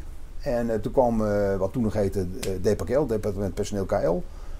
die kwamen op bezoek. En dan werd normaal gesproken altijd de indeling gemaakt hè, van de eenheden. En dan, dan hoorden wij, commando's, waar je naartoe ging. En dat was niet naar het KST. Alleen door die reorganisatie waren er heel veel eenheden opgegeven. Dat hele nationaal territoriale bestand was weg. Eh, de luchtmobiel werd nieuw opgericht. Eh, Maar even over welke tijdsperiode praat? praat je begin jaren 90. Oké. Ehm, dus eh, hij zei, jongens, ik heb een, ja, een teleurstellende mededeling voor jullie. Ik, jullie worden geen champion, zei hij tegen die hele club. Dat was de eerste keer dat dat gebeurde. Ehm, we hebben gewoon geen plekken, regularisatie, jullie worden geen kampioen, dus dat, dat moet allemaal later plaatsen. Ja, behalve die twee daarachterin. En dat waren Leo en ik. Wij gingen terug naar KST als kampioen. Dus dat is echt wel, wel heel grappig. En toen uiteindelijk eh kreeg je het loopbaanprognoseonderzoek. eh en werden alle beroepssergeanten of beroepskaderleden die werden beoordeeld op hun, ehm, eh, op, op hun waarde voor de toekomst, zeg maar, binnen het leger. En dus je kon dan een loper 1, 2 of 3 krijgen. Eén was kansrijk. Twee, van nou ja, het kan, het kan links afvallen, het kan, het kan rechts vallen. En drie, nou, je kan beter iets anders zoeken. want Voor jou hebben we geen plek meer. Dus ik kom daar bij de Hé, hey, Toet! Kappen! in Apeldoorn. En, eh, en eh, hij zegt, ja, ja, ja, ja. Gewoon indrukwekkend. Hè. Had mijn dienst en mijn lijstjes en allemaal dingetjes die ik gedaan. Ik kan mezelf natuurlijk goed verkocht. En hij zegt, ja, ja, ja, ja. Misschien zou het toch wel eens goed zijn om eens bij, eh, bij, bij de infanterie te gaan kijken of een andere club. Ik zeg, ja, ik zeg, maar waar zitten ze dan te wachten op mij? er zijn nergens plekken. Ik zeg, met KST kan ik gewoon weer aan de slag. Ja, ja, dat is wel zo, zegt hij. Ja, ja, je hebt het wel allemaal gedaan. Dus je bent loopbaan technisch, eh, heb je een loopro 1. Hè, dus je, je kan gewoon eh, ongestoord. eh zeg ik, nou, dan, dan ga ik weer terug naar Roosendaal. Doei. Oké. En, en, En wanneer dat, dat, dat springen, is dat daarvoor? Is dat daarna? dat is daarvoor. eh, Oh, is dat daarvoor? Ik was, eh, ja, goed, hè, weet je wel, je, je werd toen allemaal AO opgeleid. Heb je zelf ook meegemaakt. Ehm, alleen er waren een enkeling die kon in aanmerking komen voor een vrije valopleiding. Hè, dus dat heb ik toen gedaan. Ehm, en en dat, was, dat was in het kader van, nou, vallen is uit, vliegen is in. Hè, want we zouden met onze parachutes eh, afstanden gaan overbruggen. Ehm, dus wij gingen alleen maar eh, in die vrije valopleidingen vijf seconden uit de helikopter maken. Wat helemaal niet leuk is. Ehm, Vijf seconden dalen en dan trekken meteen. Ja, je, ja. je shoot trekken, Ja. oké. Ehm, en, en zeker aan de helikopter is dat best wel lastig. En, eh, nou ja, het is gewoon niet leuk. Maar goed, dat was wel de, de opzet. En uiteindelijk als ze dan goed genoeg waren, en dan kreeg je een eh, vierkant valscherm en dan kon je gaan vliegen, zeg maar. Maar ik vond het wel leuk, dat, dat hele springen en zo, dat, dat trok me wel. Dus dat, dat- ja, ik denk dat wil ik wel worden. Hè. Ik zag die gasten, wat jij net zei, eh, in die leren pakjes en die, met die bontkraagjes rondlopen. En, ja, Pakjes ook. dat wil ik ook. dat wil ik ook. Dus Ja. uiteindelijk had ik daar mijn, mijn eh, ja, had ik, had ik die wens uitgesproken. En die kans kreeg ik, dus ik ben in 88 of zo, denk ik. Ben ik Maar je moet toch, er is toch ook iets van een bepaalde selectie? Of je moet, het is toch niet zo van je steekt je hand op ja, en kom maar hier. Je moet toch ergens, hè, of niet? Je moet toch wel voor het goede gat zitten? Er is of- geen voorselectie, weet je wel. Op het moment dat je dat aangeeft, was het eigenlijk in die tijd zo dat, dat de sectie 1 bepaalde of je daar voor een aanmerking kwam of niet. En Ja. ik weet niet of, volgens mij spraken die niet met die instructeurs op. Iedereen wilde dat toch? Of Ja, niet? daarom weet je wel. Ja. Als je, als je, als je eh, oud genoeg was en, en nou ja, goed, dan, dan kon dat gewoon. En dan, dan, dan ging je die opleiding in. Dat, dat, de enige waarom het misging bij mij en af en toe was omdat de locatie wisselde. Hè. We zijn begonnen in, eh, eh, op Gilserij en toen zijn ze verhuisd naar Woensdrecht. En we zouden van Woensdrecht weer naar Breda. En al die verhuizingen zeg maar, bij elkaar, dat, dat stelde het elke keer uit. Maar uiteindelijk is het toch gelukt. Dus ik ben toen in die opleiding gegaan in 88 in, in Woensdrecht. Eh, en die opleiding was, was een selectie genoeg, zeg maar. Als dat niet goed ging, dan was je ook binnen twee weken of drie weken lag je er weer uit. Dus dat was wel eh, voor mij eh, de meest intensieve opleiding die ik in die periode gevolgd heb. Ehm, met een hele grote kans van, eh, van de zakken, zeg maar. Hè. Er Ja. vielen best wel wat lui uit. eh, die of instructief genoeg of ja, niet, niet genoeg talent hadden op het springgebied. Weet je wel. Nou, ik ben, ik ben niet een hele getalenteerde springer, maar goed, eh, goed genoeg. Wat, is een, waar, waar moet een, wat, wat, wat maakt een, een springer getalenteerd? Wat, wat, wat, wat doet hij Ah, dan? je moet, kijk, je moet het allemaal zien, eh, eh, zien in, de, in, de- in de tijd, weet je wel. Eh, wat wij toen deden, als je dat vergelijkt met nu, is dat een wereld van verschil. Hè, wij waren echt, ja, vanuit, vanuit eh, de Charles Pellensen en, en, en zeg maar de, de, de, de, de, de, de goeroes die het springen opgebouwd hebben in Nederland, waren wij de, de volgende stap. Maar dat was allemaal niet zo hoogdravend. Alleen je moest als instructeur wel, wel eh, ja, in de lucht je dingetjes kunnen laten zien. Ehm, dat, dat je het beheerste, zeg maar, het vak. En, en het begeleiden van, van leerlingen op een hele andere manier. En zeker toen het vrije valgebeuren erin kwam, voor de 108 met name, die gasten allemaal vrije val werden opgeleid. Toen ging de begeleiding met name vanaf de grond met de kijker. Hè, en een enkele keer sprong je iemand na om te kijken wat hij allemaal uitspookt in de lucht. Maar nu met camerawerken zo. Dat deden we allemaal niet. Weet je. We deden alles vanaf de grond. Eh, of vanuit de lucht. Ja, oké. Dus je moet als instructeur wel bepaalde vaardigheden hebben. Natuurlijk met die leerling mee te kunnen springen. En dingen te kunnen observeren. En, en, eh, Ja, maar ik bedoel meer zo van... eh, die- Johan Cruijff kan je bijvoorbeeld lichtvoetig noemen. Ja, toch? Dus de, de flegmatiek, lichtvoetig. Maar waar moet de springer dan aan voldoen? Moet die, moet die extra, weet ik veel, Nee, nee. gracieus zijn? Of, of wat, wat, wat, Ah, wat- nee. Kijk, als je puur, puur kijkt naar militaire springen, Ja. da- da- dan, dan ben je eigenlijk gewoon. Ja, je, moet- je moet op een veilige manier zeg maar, een vliegtuig kunnen verlaten. Ja. Eh, Op een veilige manier kunnen landen. Want eh, het is maar, het is maar, een, manier waarop, eh, het is maar, het is maar een manier om ergens te komen. Ja. Maar het werk begint daarna pas. Ja, precies. Weet je, dus dat hoeft allemaal niet zo netjes Nee, mooi te gaan. ja, maar veilig gebeurt en je kunt, je kunt eh, fatsoenlijk landen met je, met je spulletjes. Om vervolgens je taak uit te voeren. Ja. In die periode was natuurlijk AO, automatische eh, openingen, static springen, was, was het middel om ingezet te worden Ja. voor de 104. Dus ik heb honderden automaten gedropt. Dat was onze core business. Ja. We stonden achter in een vliegtuig met onze scanner tegen de staalkabel aan kerels naar buiten te werken. Ja. Weet je wel? En de opleiding natuurlijk daarvoor. Dat, dat was de core business. En dat we dan zelf een keer vrije val afsprongen daarna, weet je wel, was nou, om jezelf wel een beetje te pleasen. Maar het was ook wel een veiligheidsdingetje. Hè? Want we stonden natuurlijk op eh, tussen de 800 en de 1200 voet stonden we kerels te droppen, los in een deur. Met een parachute op je rug. Ja. Eh, hè, dus als je buiten donderde, moest je wel even je chute kunnen openen. Want anders hoef je niet te pletteren, weet je wel. Ja. Ehm, dus dat was eigenlijk de enige reden waarom we vrij valden in die tijd. Ja. Maar later werd het ook gezien als een middel om ergens te komen. Ja. Dus ik heb het geluk gehad dat ik een van de eerste was die de HAO-opleiding ging in Denemarken. Hm. Dus ja, toen gingen we in één keer springen vanaf eh, 30.000 voet. Ja. Dat was een andere, andere koek. Oké, hoe ziet dat leven eruit dan? Dat Is dat, dat moet dan helemaal een gereguleerd leven zijn, of niet? Als, als, als instructeur, Ja, het. hè? Elke Nou ja, goed, thuis. het, was, het waren natuurlijk alle, we hadden een vast jaarplan hè, waar de opleiding in plaatsvond. Nou, die opleiding duurde een week. Het was in Breda in dit geval. Dus je was in, in Breda, overdag in Breda was je bezig met, met de opleiding. S'avonds gewoon thuis. hey, hou op! Ehm, en de oefeningen. Hè, dus eh, als, als clubjes op oefeningen die werden ingezet per parachute, dan, dan deden wij dat. Hè, dus we bereidden dat voor. We deden de verkenningen, we deden de DZ-verkenningen, we planden dat hele, dat hele spulletje. En dan gingen we met die gasten vanaf een vliegveld vertrekken en ze, en ze droppen s'nachts. Eh, en voor de rest was het een, eh, een heel ja, geregeld Ja, want in het weekend heb je natuurlijk niks. Ja, of je moet natuurlijk burgers Ja, of springen of zo. Maar, of eh, ja. ja, oké, maar niet elk weekend, Nee. s'avonds, elke avond weg. Nou, we zaten in die periode wel, wel, wel, weet ik veel, misschien vijf, zes, zeven, acht keer per jaar in Po. Ja, twee of eh, twee weken, zeg maar, weet je wel. Dus, eh, wel, maar het is wel. ook alleen maar leuk, toch? Natuurlijk is het leuk, het hele paardenleven was leuk. Ja. Nee, dat was zeker. Oké. Een groot feest. ja. En het was beter verdienen. Of je kreeg gevaargeld, toch? Of niet? Ja, je, je had wat extra toelagen, dat klopt. Ja. Ah ja, goed, als je een paar honderd Nou, per goed, jaar dat- maakt. Nou, we hebben zo, zoveel. In die tijd sprongen wij niet zo heel veel. Hè. Ik bedoel, eh, een dag Po bijvoorbeeld. eh, weet ik veel, drie, eh, vier vliegtuigen, vijf vliegtuigen droppen, weet ik veel hoeveel. hè, als die gasten twee of drie sprongen maken, dan sprong jij zelf misschien één keer of zo, weet je, of twee keer. En dan mochten we misschien op het eind van de dag, hadden we dan een kist voor onszelf dat we nog eens een keer wat leuks mochten doen, weet je wel. Oké. Dus het is, het is, eh, nou, twee, drie sprongen een dag, eh, meer was het niet hoor. Maar, oké. Maar goed, het is meer dan de Ja, gemiddelde het collega. gemiddelde, gemiddelde, zeker. Ja, toch? zeker. Oké. Dan moet jij op een GMIC, dus dan de, de, de- die champion-opleiding hè, vanwege je loopbaan. Ja. Hoe lang ben je paarinstructeur geweest? Ik denk drie jaar, nou, drie jaar dat ik geplaatst was bij de, bij de instructiegroep.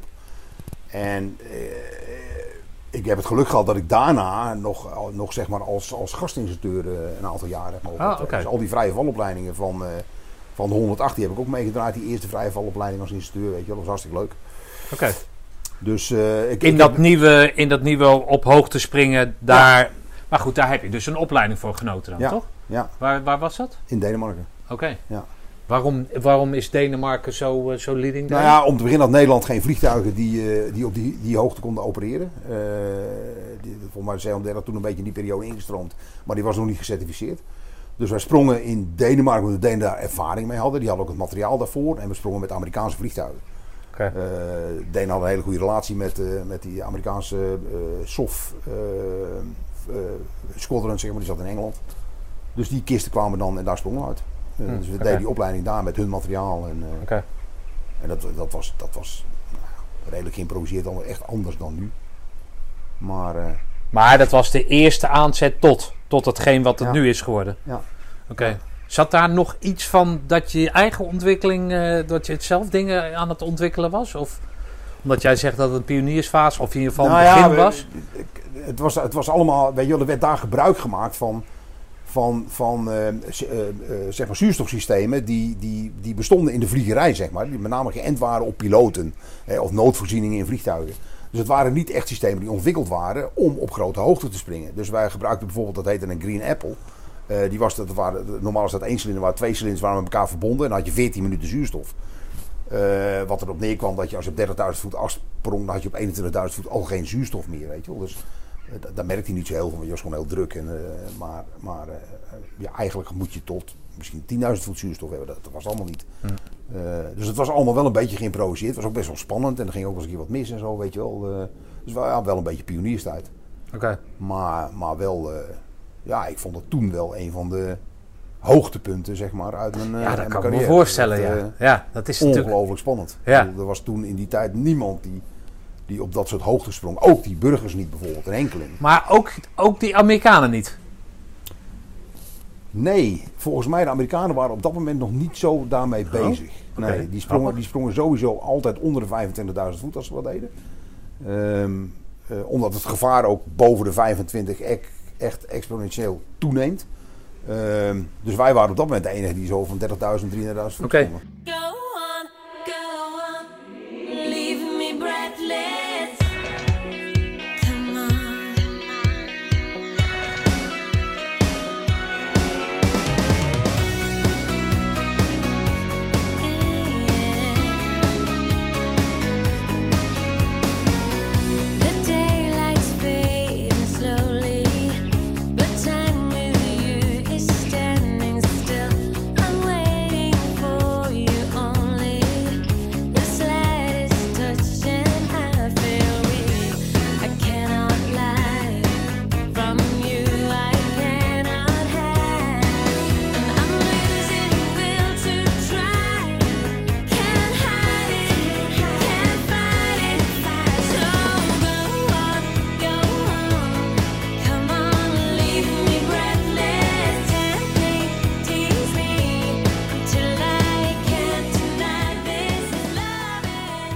Ja, ik snap waarom dat dat, dat, dat gevaarlijk is. Maar kan jij me aangeven waarom dat boven die, boven die, eh, eh, boven die hoogte gevaarlijker wordt dan daaronder?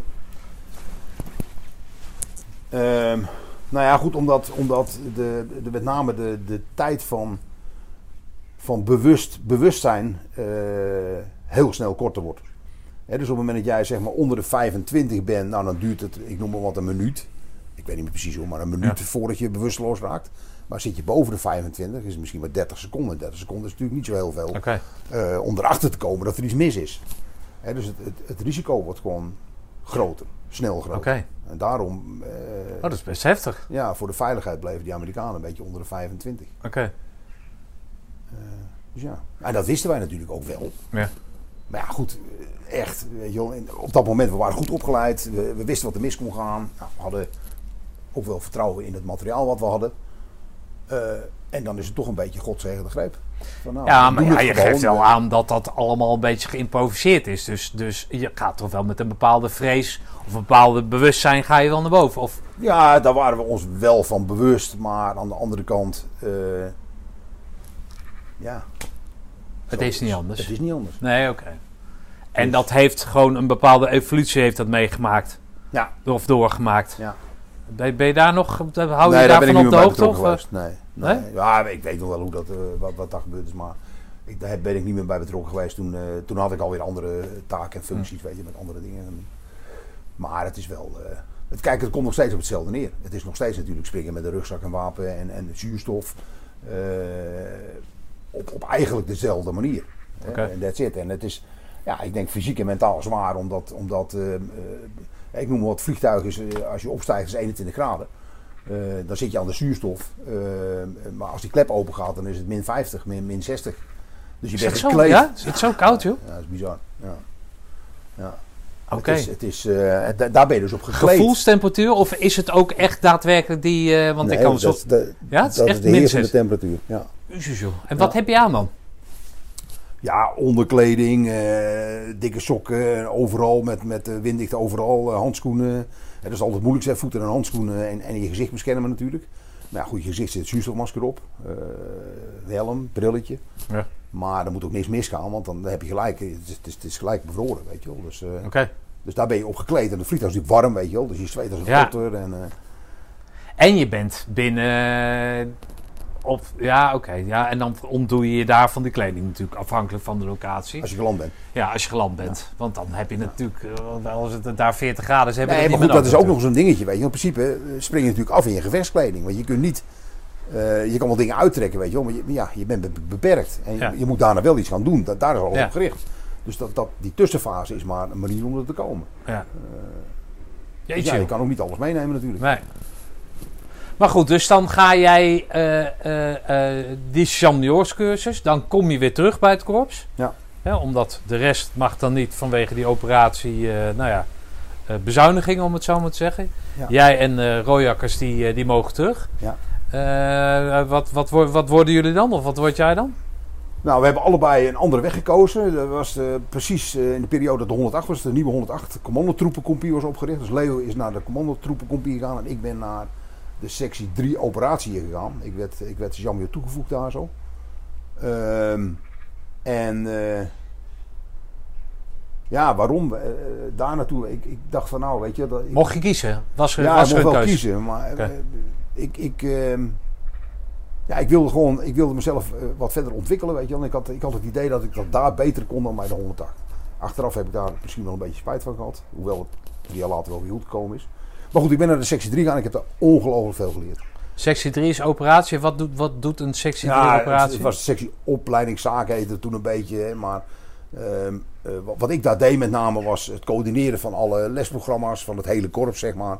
Van alle compieverschillen te afstemmen, weet je wel. Ik, ik deed alle cursussen, de munitiebeheer, eh cursus aanvraag buitenland. eh, nou met name die op, oprichtingsfase van de 108 had ik heel veel contact met de 108. Hè, om voor hun eh, dingen mogelijk te maken, om te oefenen en te trainen. En, en oefengebieden aan te vragen, helikoptertoewijzing. eh nou, weet ik veel, noem maar op. Alles wat te maken met opleiding en training, weet je wel, dat liep, dat liep via dat bureautje. En eh, dat bureautje werd geleid toen de tijd door een, een hoofdsectie 3 en eh, er zat een S6, Piet.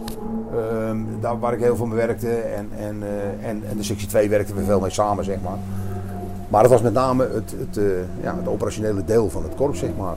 eh.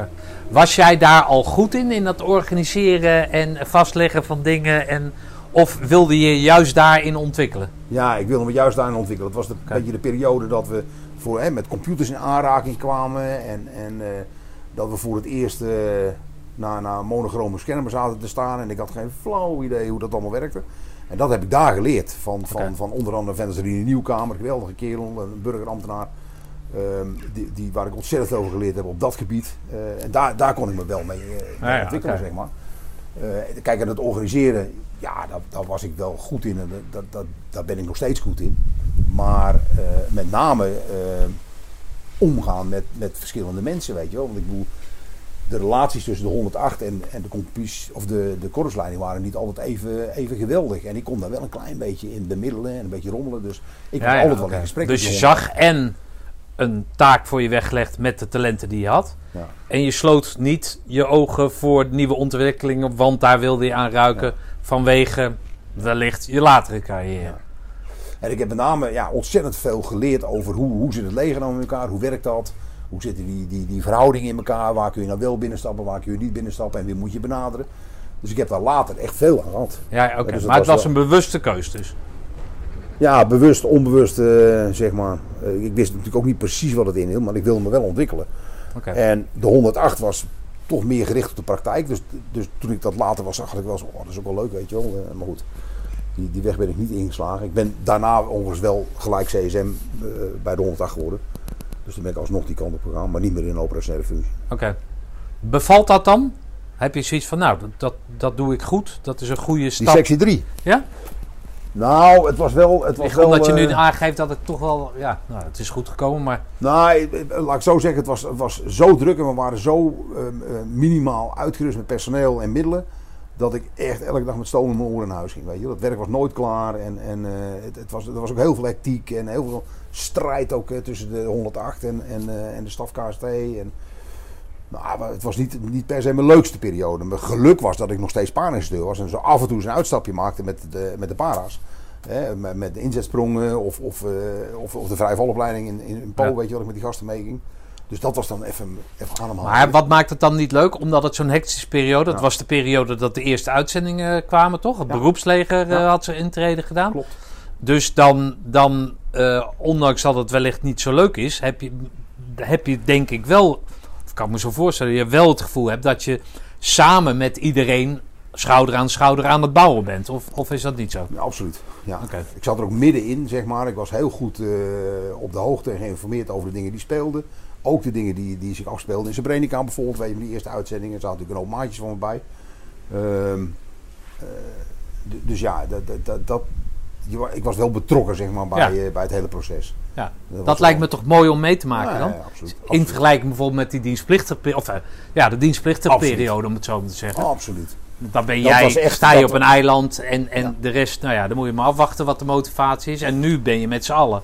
En dan maak jij dan, omdat je tegen je natuur in mag, tegen je natuur in, dat je kiest voor iets anders. Hè, om je, om Ja. je als mens eh, te ontwikkelen. Ja. Dan, dan is, daar zit daar toch heel veel dynamiek in. eh. Ja, nee, absoluut. En, en dat is het mooie, weet je, dat ik van het begin af aan eh, betrokken ben geweest hè, te- bij, bij, de, bij, de, bij de omvorming van het korps, zeg maar, van een dienstplichtleger naar, naar beroeps. eh, en, en ook de professionaliteit die daarmee samenhangt, dat is echt een wereld van verschil. Eh was echt eh, serieuze business, eh, zeg maar, weet je wel, eh, vanaf dat moment. En daar waren we ons ook heel erg van bewust. Hè? Dus alles, al- alles wat we deden, wat ik deed, was eh, voor de kerels, weet je wel. Om het voor de kerels mogelijk te maken dat als de pleurs uitbrak, we in ieder geval alles aan gedaan hadden om ze de beste Ja. spulletjes te geven. Eh, of de beste opleiding, beste training. En, en eh, ja, daar was, daar was het vanaf dat moment wel op gericht. Voelde jij toen al dat het eraan zat te komen dat, dat het zo'n hoog niveau zou krijgen als, eh, als dat het nu is? Nou, kijk, dat, dat gaat allemaal met stapjes natuurlijk. Maar vanaf dat moment was iedereen wel bezig met het, het beste ervan van te maken, zeg maar. Dus, dus, de, de- dus echt serieus te trainen, weet je wel. En serieus eh, aan goede spullen te komen. En, en, en, en eh, eh, tactieken te ontwikkelen, hè, technieken te ontwikkelen om, om, om mee te kunnen doen. En, en dat is gigantisch snel gegaan, zeg maar. En, en Hè, met stappen uiteraard, hè, want goed, die, die periodes eh, Bosnië, zeg maar, dat was het begin daarvan. Eh Srebrenica, ook serieuze, serieuze business, zeg maar, waar natuurlijk van alles en nog wat gebeurd is. En, en later die stapjes weer naar, naar, de- naar de volgende fase, waardoor het uiteindelijk in, in, in Afghanistan natuurlijk culmineert in, in, een, eh, in een gigantische full-scale oorlog waar we, waar we in terecht kwamen. Weet je wel. Dus ja, het is wel mooi om daar, om daar voor een groot deel deel van hebben uit te mogen maken. En je voelt dat, nou dat wat ik al zei, dat schouder aan schouder, zit, zit dat er, is dat ook zo? Vallen de mensen eruit die, die vanuit dat, hè, want dat, het, het lijkt mij voor de mensen die uit dat, eh, en vooral dan misschien voor de oudere garde die dan dat dienstplichtleger, hè, daar kunnen zij natuurlijk ook niks aan doen, maar dat is gewoon de, de periode, dat dienstplichtleger gewend zijn en in één keer overschakelen op zo'n beroepsleger, dat dat aan het einde van de carrière, dat, ja, dat dat in ieder geval gigantisch wennen is. En, en, en Maar ook, dat is ook niet altijd goed gegaan. nee, Er zijn best wel mensen die buiten de boot zijn gevallen, weet je wel, die dat niet hebben, niet hebben aangekund. Ik, ik kan me nog herinneren uit die periode dat uiteindelijk toen de eerste uitzendingen begonnen, dat er heel veel weerstand was hè, bij, bij, eh, bij mensen uit, uit de dienstplichtperiode, eh, het oudere beroeps. Die ja, hé, maar dat ga ik allemaal niet doen, weet je wel, daar, heb ik allemaal geen zin in. En, en eh, nou, dat mensen dus bij de vliegtuigtrap weigerden uiteindelijk om mee te gaan. En dat we toen allemaal een brief hebben gehad van de bevelhebber van, hé luister, eh, ik zet, je nu voor de keuze. Eh, als je blijft, dan, dan teken je ervoor dat je, dat je dus geen mee, mee kunt zeggen op die vliegtuigtrap. Dus als er wat komt, dan ga je. Of je ga- gaat iets anders zoeken. En dat, dat mensen daar ook ja, uitgestapt zijn. Die zijn iets anders gaan zoeken. Hm. Nou, ik niet, want ik vond het alleen maar mooi. Maar, eh, ja, nee, dat maar heeft hij zat ook nog helemaal niet aan het einde van je carrière, toch? Nee, zeker niet. Nee. Nee. Maar ook mensen van mijn leeftijd hoor, die, die, eh, die dat niet eh, wilden. Ja. Dus die zijn eruit gestapt. Ja. Je kan er vinden van, ja, het is ieder zijn eigen leven natuurlijk. Ja, Ja. toch? Dus Nee, iedereen heeft zo zijn eigen keuze. eigen keuze. Maar, maar niet blijven hangen in het leven. En niet bereid zijn om uit te zonderen. Dat, dat kon niet. Nee. En terecht.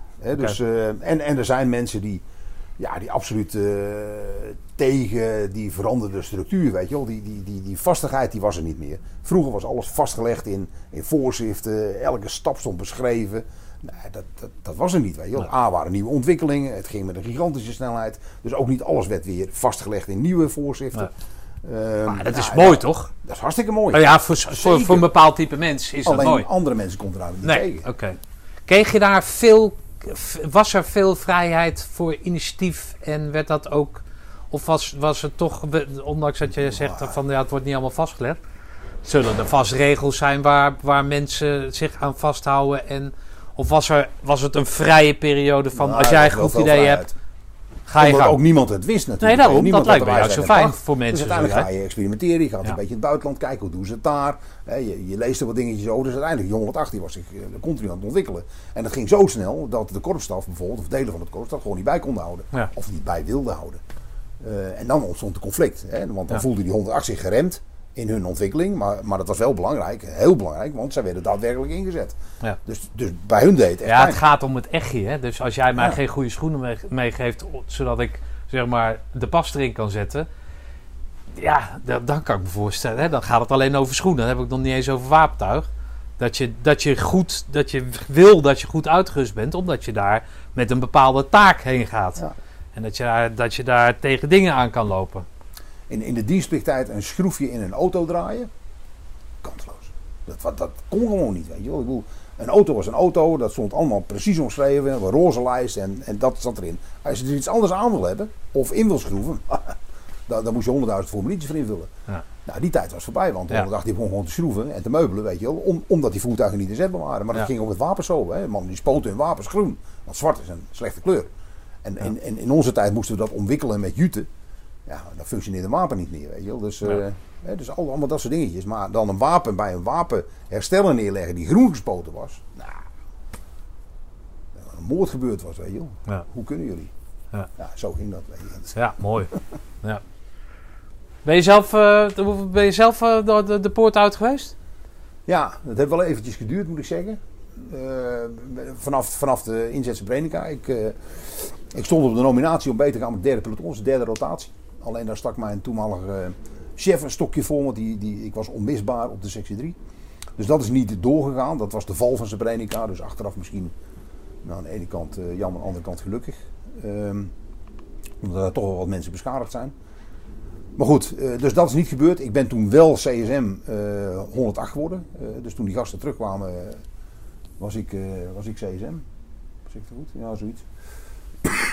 maar ik ben eh 95, was de val van eh juli.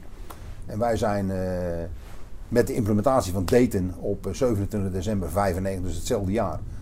Met een deel van die club die daar toen ook bij was. eh, en, en, en wij eh, met een aantal nieuwe mensen ingezet eh, voor I voor 1, zeg maar. I voor 1. Onder NATO-vlag. Dus geen VN-vlag meer. Dus dat was mijn eerste, mijn eerste uitzending. Als eh, Joint Commission Observer. Samen met, eh, met een ploeg van de 108. En een aantal eh, kaderleden daaraan toegevoegd. Samen met B-squadron van 22 SAS. Dus dat was bijzonder. Dat was, dat was de club van Andy McNabb, zeg maar. van die, Bravo to Zero. Eh, Zeg maar niks. Maar dat, dat, is, dat squadron, zeg maar. Dat dus is heft- met- heftige, heftige shit, is dat? nou, in de ja, zin van dat die het jongens- meest serieuze eh, SF-clubje in de wereld, zeg maar. Samen Oh, met Delta Force, weet je. En daar werden wij samen mee ingezet. Oké. Maakten, we, maakten we één op één deel van uit van die, van die gasten. Dus dat was heel bijzonder. Dat was echt leuk. Als jij zegt heel bijzonder, dan kan je meteen, als jij ook daarnaast zegt dat het de meest uitgeruste eh, unit is van, eh, van, van de wereld, kan je meteen levelen dus. Kijken of je op datzelfde level eh, ja, ja, ja, ja, ja. bent. Nou ja, goed, kijk, voor, voor hun was het een soort van ontwikkelingshulp, denk ik. Maar voor ons was het wel, voor ons was het wel, eh, wel levelen, ja. Ja. Potverdomme, wat zijn er voor gasten? Ja. En, en, eh, hoe kom je daar dan uit? Als, Ja, als, goed. als eenheid? Ja, goed. Ja? Jawel. Kijk, het enige, het grote verschil is dat, dat wij natuurlijk altijd... eh, in Nederland hebben we, werken we allemaal met een red card holder. Er is altijd ergens wel iemand die een rode kaart kan trekken van... nou, dat gaan we even niet doen. En, en, en die gasten die hebben gewoon veel meer vrijheid, weet je wel. Die hebben veel meer vertrouwen van, van hun eh, leidinggevende en, en ook van de politiek met name. En die politiek, als daar wat fout gaat zeg maar, bij die gasten, dan, dan dekt die politiek dat in. Kijk, de SAS had natuurlijk al een, een gigantische naam vanaf de Tweede Wereldoorlog tot nu. Eh, Het conflict in Noord-Ierland, eh, waar, waar ze van alles en nog wat hadden gedaan. Daar zijn ook wel dingen misgegaan. Eh, Eh, maar, die, maar die keers worden gewoon ingedekt, weet je wel. De, de, de politieke steun, militaire steun voor die eenheid is gewoon veel, vele malen groter. En dat is ook allemaal onder. Maar dat moet een uniek moment geweest zijn voor de eenheid dan. Dat als je na zo'n... Ja, dat vonden wij wel. Daar dachten Ja. andere mensen anders over. Hè, wie, wie, wel- welke andere mensen dan? Nou ja, ik zal, ik zal geen namen noemen. Maar Nee, maar het, het- het type wij, mensen. wij vonden het bijzonder, en het was Ja. ook bijzonder, eh, dat we met dat soort gasten werden ingezet. Ook met name het niveau waarop we werden ingezet. We werden, eh, kijk, uiteindelijk was, was eh, SF-werk, dat ging om A, op het hoogste strategische niveau ingezet worden. met toegang tot strategische inlichtingen. En wij werden ondergezet direct onder de commandant eh, Combined Joint Special Operations Task Force in Sarajevo. Ehm, terwijl de andere teams die toen weer uitgezonden werden, die, die hingen onder een bataljonsstaf van het Nederlands bataljon. Nou, een wereld van verschil natuurlijk, weet je wel. Of je nou rapporteert aan een Nederlands bataljon, of je rapporteert aan het hoogste militaire niveau in. eh, en je maakt ook dus gebruik van de inlichtingen van het hoogste militaire niveau. Oké. Dus het was een hele andere, een hele andere orde, een hele andere dynamiek. Dus wij- vonden het sowieso bijzonder. Eh, alleen ja, goed, eh anderen die vonden hun werk bijzonder. Ja, maar dat maakt toch niet uit. Het gaat er toch om in die ontwikkeling, die samenwerking schouder aan schouder, dat je dan in één keer kan meten. Of meten is dan nog niet eens, maar je kan je in ieder geval wegzetten tegen van goh, zij worden als hoogste beschouwd binnen, binnen de eh, SF-wereld. Wij komen daar als nieuwe unit komen we daar aan. Nou, we verschillen nog niet zoveel van elkaar. Hè? Dus we zijn goed bezig. Dat was het Ja, meer. ja. Nee, dat was ook zo, weet je wel. Eh, Voor dat werk wat we daar deden, eh, waren, we, waren we minstens net zo goed als, als, die gasten. nou, dat moet Alleen hun mandaat zijn. was een beetje, Ja, een beetje rekbaarder. En daar konden, daar konden wij niet aan voldoen, weet Nee. je wel. Dus op het moment dat zij activiteiten gingen ontplooien die, die mogelijkwijs wel binnen hun mandaat vielen, maar niet binnen het Nederlandse mandaat, moesten we afhaken. Ja, dat was jammer. Maar ja, goed, dat is dan niet anders. Ja, maar dat was wel jammer, weet je wel. Want Ja, uiteindelijk nee, ging dat natuurlijk. wel over. Ja. Als het puntje bij paaltje komt, dan zijn we er dus niet. Eh, nee, maar dan, dan moet je dus de, de, eh, dan moet je anders stemmen in Nederland, toch?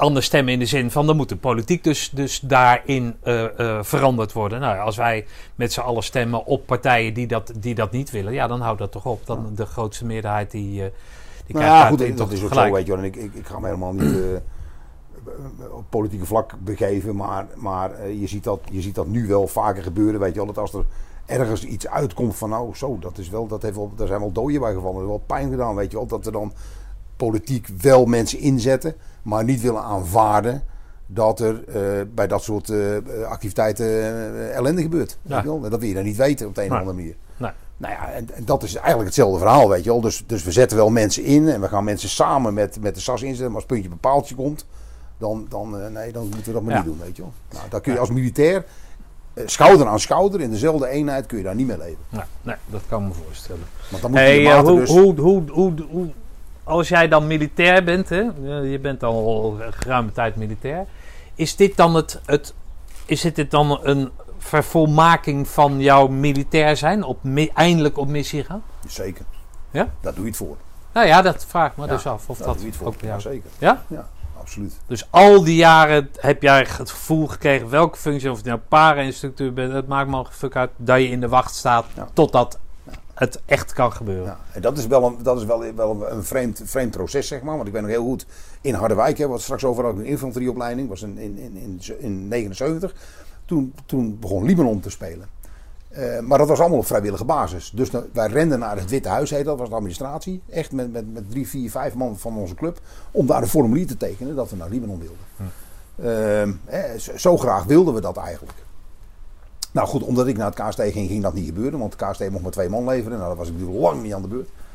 Ehm, dus dat was de eerste kans toen om, eh, om het eigenlijk op pad te kunnen, weet je wel. Dus in, in, eh, in, in Ja, eh, 93 begin en 80, 95. toch? Ja. Nee, 95 zeg maar. Ja, toen, toen eh, Libanon was, was in eh 80, maar daarna pas weer in 92. Ja, oké. 93, Ja, ja, ja, Dat het serieus werd. Dus, Ja. daar, daar wilde ik wel, eh, wel deel van uitmaken, zeker. En dat is, dat is ook gelukt, gelukkig. En dat voel je dus binnen de gehele eenheid. Dat dat zo is. Want iedereen die daar zit in Roosendaal nu, die heeft er echt bewust voor gekozen. Toch? Om militair te worden. Ja. Het is niet van, goh, lijkt me wel leuk. Nee. Ja, dat zou ik anders moeten doen. Nee, je gaat daarvoor. En je kiest ook voor dat leven. Absoluut. super gemotiveerd. Ja. Nee, Want daar heb jij dus alles van meegemaakt, toch? Tot zes jaar terug. Ja. Ja, niet, niet zozeer... eh, Nou, ja, niet ik- zozeer misschien de actie, als Ja. wel gewoon de, eh, de, de, de gesteldheid. De gesteldheid, de, de motivatie. Alles stond in het teken van, van eh, de, de operatie, eh, welke dat er ook mag zijn en wanneer die dan ook mag komen. Alles. Ja. Daar was alles op geënt. Ja. En is alles op geënt. Ja, dat moet mooi zijn. Je moet er toch? klaar voor zijn. Ja, dat moet mooi zijn, toch? Ja, dat is absoluut. Absoluut. Geweldig. Om, om, dat, om dat proces eh, deel van uitgemaakt mogen hebben. Ja, in verschillende, in verschillende vormen. Oké. Ben jij dan op zo'n actie, denk je dan... Want dan word je geconfronteerd, toch? Met, met, met, met jezelf ook. Niet zozeer als met de eenheid. En je kan je daar meten met anderen. Maar met jezelf. Word je dan ook getoetst op je eigen functioneren als militair? Ja, zeker. Ja, uiteindelijk is het natuurlijk wel een serieuze business. En, en, en dan moet je wel eh, de dingen doen die van je verlangd worden. eh, op de goede manier. En op het juiste moment de juiste beslissingen nemen. Eh, nou hoe, ja, gaat, hoe gaat dat je af? ja, zeker in die tijd wel goed. Ja. En, en, en, en ik kon het ook, wa- wat ik besliste en wat ik deed, voor zover ik iets mocht beslissen, kon ik dat ook wel verantwoorden. En er waren niet altijd, altijd mensen het mee eens, maar Oké. ik kon het wel verantwoorden, ja. Ja. Dus je, je kan militair willen worden, je wordt militair, maar of je dan militair zeg maar in de praktijk, of dat dan ook werkt, dat heb je daar kunnen toetsen. En daar ben je goed doorheen gekomen. Voor Ja. jezelf. Ja, ik denk het wel. Maar kan je je toch voorstellen dat, dat, dat er af en toe situaties zijn bij mensen dat je het wel wil, hè, in, in het hele leven hoor, niet alleen als Maar militair, niet kan. maar dat het, dat, dat het je dus niet lukt, Nee. of dat je het niet kan. Ah, kijk, die garantie, die garantie heeft natuurlijk niemand, weet je wel. Nee. Ik heb, ik heb eh, in die zin nooit, nooit echt eh, betrokken geweest in een, in, een, in, een, in een vuurgevecht, zeg maar, waar, waar het om leven en dood ging. Ehm, maar door je hele voortraject, bijvoorbeeld eh, de opleiding, zeg maar, b- bijvoorbeeld eh, het hele vrije vallen, wat een grensverleggende activiteit is. Ja, ook daar heb ik mensen zien, zien, zien afbranden, zeg maar, die het, niet, die het gewoon niet lukte. Wel willen, maar niet lukken, Ja. weet je wel. En, en dat is voor hun dan de reden geweest waarom ze bijvoorbeeld KST moesten verlaten. Ja. Ehm, dus die, dat, dat opwerken, dat hele voortraject, dat, dat schept al een bepaalde eh, eh, mate van, nou, geen garantie, maar wel, een- wel een vaardigheid dat je wel met, met moeilijke situaties om kunt gaan. Ja. Dus, nou ja, over het algemeen is dat voldoende, zeg maar, om, om eh, blijkbaar weerstand te kunnen bieden tegen, tegen gevaar. Ja. Ehm, ben je er goed. vaker de poort uit geweest? ja, hij heeft officieel zeg maar drie, eh, drie uitzendingen op mijn naam staan. En die waren allemaal in Bosnië. Eh, maar daarnaast ook eh, veelvuldig eh, voor kortere periodes op pad geweest. onder andere ook naar Afghanistan. Ik ben in de tijd dat ik van de 108 ben geswitcht naar de 105 als adjudant operatie. Ben ik Joint Terminal Attack Controller geweest, JTAC. eh, en JTAC Supervisor. Eh, dus in die, in die, in die functionaliteit ben ik een aantal keer in Afghanistan geweest. Wat is dat? Wat je, wat je nou net zegt? Eh, als JTAC ben je verantwoordelijk voor eh, het aansturen zeg maar, van de luchtsteun die je krijgt als eenheid. Ehm, in overleg met je, met je commandant. Dat doe je natuurlijk voor de, voor de club niet, niet voor, je, voor jezelf. Ehm, nou ja, als je luchtsteun krijgt van, van Apaches, eh, dus eh, slow movers, fast movers, dan, dan coördineer jij dat en je zorgt ervoor dat die vliegers hun targets krijgen. Ehm, en die geeft ze ook de clearance om die targets aan te vallen. Oké. Dat, dat doe je. Dat is wat wij zeg maar, als burgers altijd in, in films zien. Toch? Als je de- als eenheid onder spanning komt te staan, bel even daar en daarheen. Ja. Joh, we hebben nu luchtsteun nodig. Ja. En die schakel van dat ontvangen dat, van dat bericht en het wegzetten van Ja. dat bericht, uitzetten van dat bericht, dat ben jij. Ja. Ja, en ik ben, ik ben eh, als supervisor, eh, dat was heel leuk, weet je wel. Heb ik een aantal eh, jongens op mogen leiden, weet je wel. Die later in Afghanistan echt aan de bak zijn gegaan. Ehm, maar ook bijvoorbeeld in het kader van Emergency Close Air Support heet dat. Hè. Dus op het moment dat je geen JTAC gekwalificeerde persoon bent, kun je nog steeds luchtsteun krijgen. Gingen we met gasten bijvoorbeeld naar, naar Amerika, naar Hubble Field. En dan gingen we met gunships, weet je wel, die C-130's aan de slag. Eh, met helikopters en eh, fantastisch, hartstikke leuk. Eh, en die gasten weer wat later kunnen en mogen gebruiken in Afghanistan. om, om, om zichzelf uit de ellende te halen. Dus dat, is, dat is, vind ik wel mooi. Ja, zeker. Ja, en daarnaast natuurlijk een aantal, eh een aantal JTEX opgeleid. Voor, dat heette toen nog voor controle. Ehm die, die echt aan de bak zijn gegaan. In- Maar was in jij in dat JTEC verhaal, was jij dan een van de voorlopers daarin? Of een van de eerste, omdat jij Nee, zegt dat je nee, mensen nee, hebt opgeleid? Nee, niet, niet een van Oh. de eerste. Alleen eh, zeg maar in, in de beginfase, begin ontstaan 108, eh, zijn, werden de mensen opgeleid in Fürstenfeldbruck in Duitsland. En dat was een, eh, een Duitse opleiding. eh, prima, ik heb er geen oordeel verder over, ik ben er nooit geweest. Maar bijvoorbeeld Frans Erkelens in, in Srebrenica, hè, als, Ja. als, als, als, als close air support eh, voor de controller, zeg maar, die heeft daar toen die F-16's aangestuurd. En die was opgeleid in Fürstenfeldbruck, dus ik was zeker niet de eerste. Maar die opleiding is toen uiteindelijk naar Nederland gegaan, samen met België. Eh, heeft Nederland een eigen opleiding opgezet. Ja, een hele goede opleiding in Schaarsbergen. Ehm, en die was, die was dusdanig goed dat die ook internationaal paste.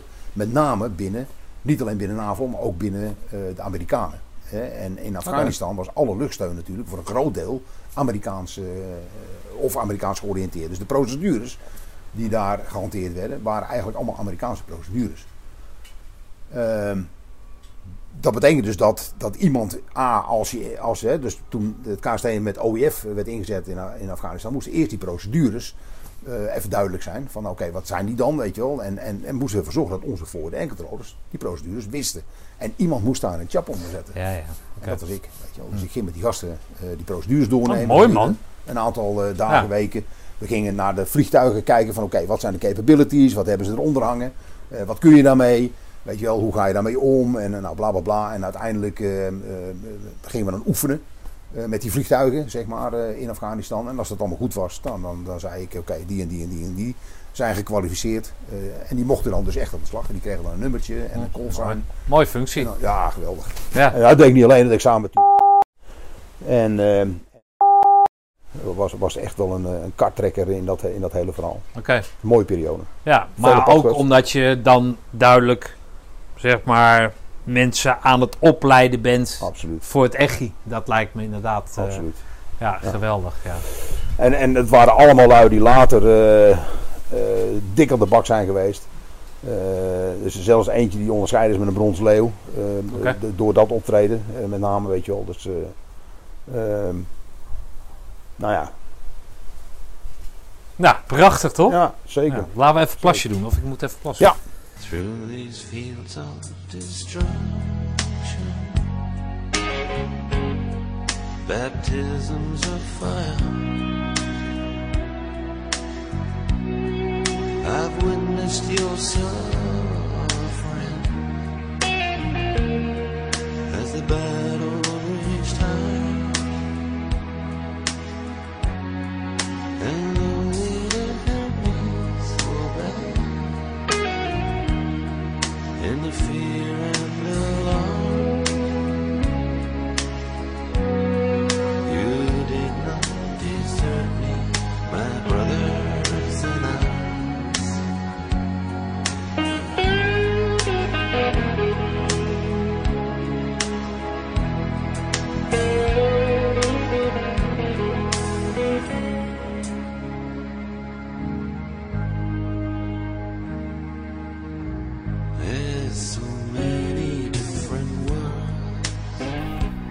Nou, lekker bakje weer.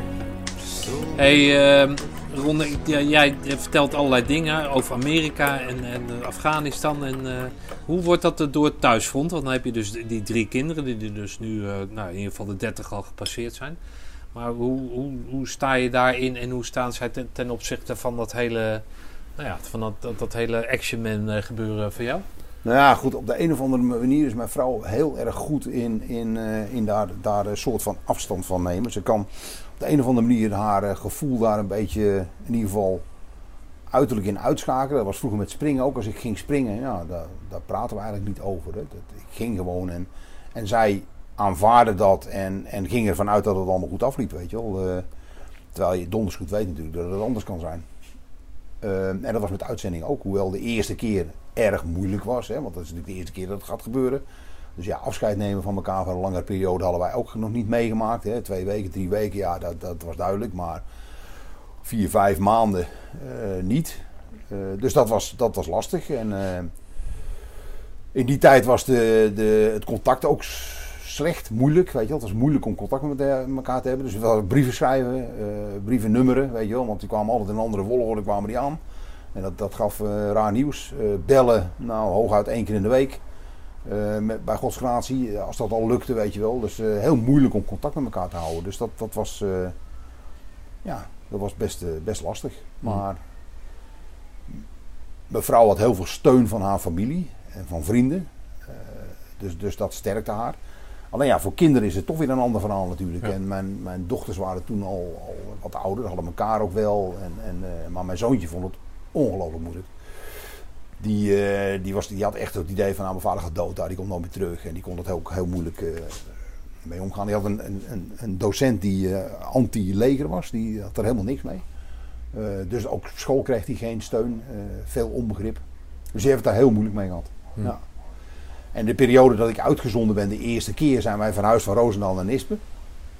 Dat is een leuke anekdote, want dus tijdens mijn uitzending zijn wij verhuisd. Dus ik kwam hier aan in een, in een nieuw huis, zeg maar. Maar mijn zoon was als de dood dat ik niet wist waar wij woonden. Want we waren verhuisd. Weet papa dan wel dat wij in Nispen wonen, snap je? Weet je wel? Dus dat was voor hem wel een dingetje.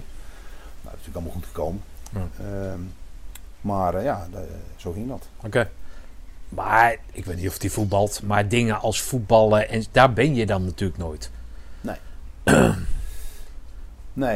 nee, klopt.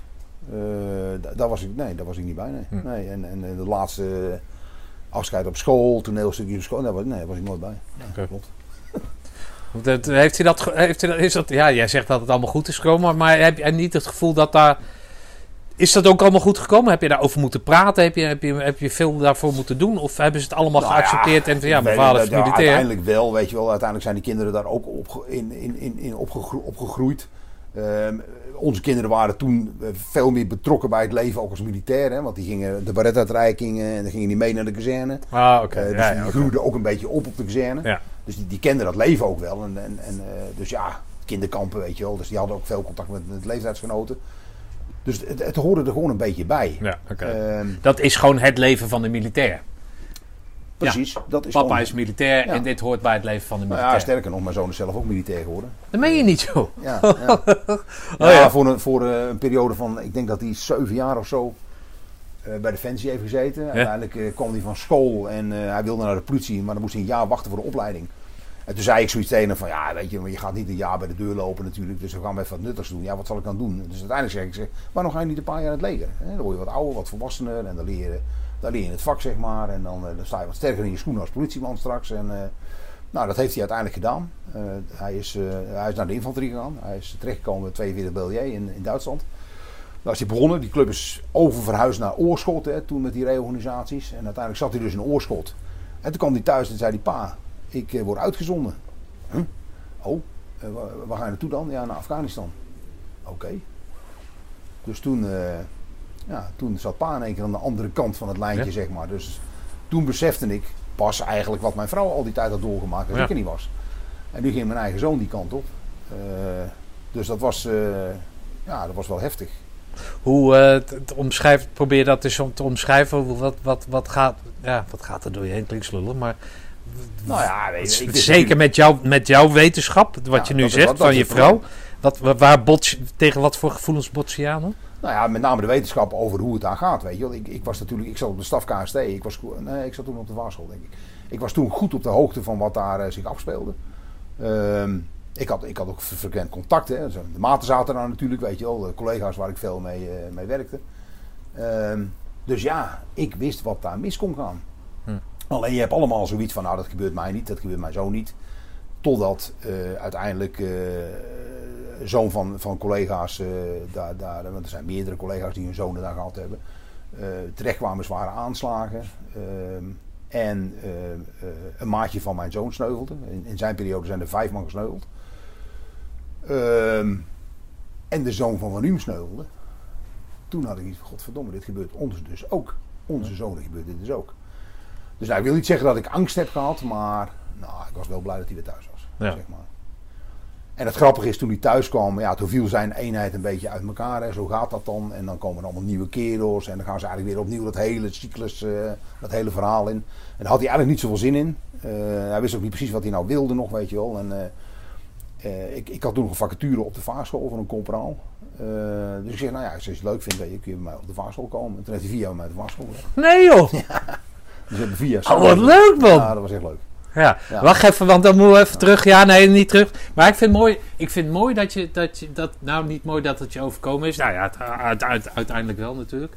Maar dat je diezelfde gevoelens die je vrouw dus heeft gehad, die zich ook de rug nog moest richten naar, haar, naar jullie kinderen. Ja. Ja, toch? Dat jij dat dan als vader in één keer ermee geconfronteerd wordt. Ja, Ja. Dat, dat, dat, moet, dat moet bijzonder zijn Ja, geweest. En, dat was het ook.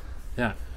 En, en eh, ja, weet je wel, eh, ik had ook wel contact met ouders van andere jongens die uitgezonden waren. En ik,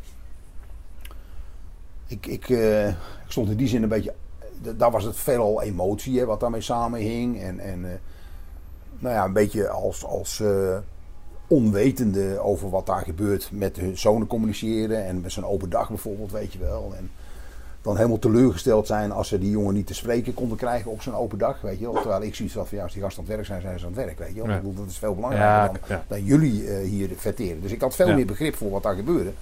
Ehm, en, ik, en ik maakte me wel zorgen natuurlijk. Maar ik wist ook wel, hè, die gasten zijn wel goed opgeleid, die hebben goede spullen, weet je wel. Ik moest er ook een beetje vertrouwen in hebben dat dat, dat, dat goed ging komen. Ja, maar goed, wat het moeilijke daar is natuurlijk, is, zijn, zijn die dingen die je als burger hoort, die bermbommen en zo. Ja, daar kan je niet op trainen, toch? Nou ja, dus dat, dat, dat, gevoel lijkt me moeilijk, omdat jij zelf weet als militair hoe dat dan... En dat, dat lijkt me echt... echt, Ja, alleen ik liet dat niet merken, weet je Nee. Dus uiterlijk was dat niet zo. En dat, Nee. dat werd mij dan bijvoorbeeld weer verweten door die ouders van die andere jongens. Ja. Die zeiden van, eh, maar ja, het is net of het hem niet interesseert, weet je wel. Ja. Natuurlijk wel. ja, Maar dat wil niet zeggen dat ik het hoef laten Nee. blijken. Dat, Nee. ik, dat ik allemaal binnen natuurlijk al op. Weet je. En natuurlijk maakte ik me zorgen. ja, Kijk, en ik, kan me nog een incident herinneren. Dat was de, was de dood van Tom Christ. Dat was een rugbymaatje van mijn zoon. In die periode dat hij daar zat. Ehm, Er was ook een, een, een aanslag op de markt in Derhoed. En eh, ik, ik reed naar de kazerne voor de vergadering vanaf de vaarschool. En mijn vrouw die belde mij, Emmy die belde mij. En ze zegt, er is wat gebeurd. Eh, maar het is al naar buiten toe. Eh, maar de familie is nog niet geïnformeerd. Dat was niet gebruikelijk. Hè, want eerst was het familie informeren. En dan pas naar buiten brengen. Maar in dit geval was het door de buitenlandse pers naar buiten gebracht. Dus Nederland moest erop reageren. Dus het was uiteindelijk in Nederland ook bekendgesteld dat, dat, dat, dat er wat gebeurd was. En bla bla. Ik denk, potverdomme, het zal toch niet waar zijn. Mijn zoon zat in Derenwoed. Dus ehm, ik ben, ik ben bij de, bij de OPZ binnengestapt eh, op, op de kazerne. En gezegd eh, tegen degene die daar toen zat van... Hey Jan, bel eens even met Den Haag. Was niet mijn gewoonte, weet je wel. Maar bel even met Den Haag en bevestig of ontken of mijn zoon erbij is, weet je wel. Dus Jan die, eh, die is gaan bellen. en dat gesprek dat duurde... Want hij werd in hold gezet, doorverbonden. Want het was natuurlijk chaos daar zo, weet je wel. Dat Ja. hele, dat, dat, de pleuris was daar uitgebroken, om het zo maar te zeggen.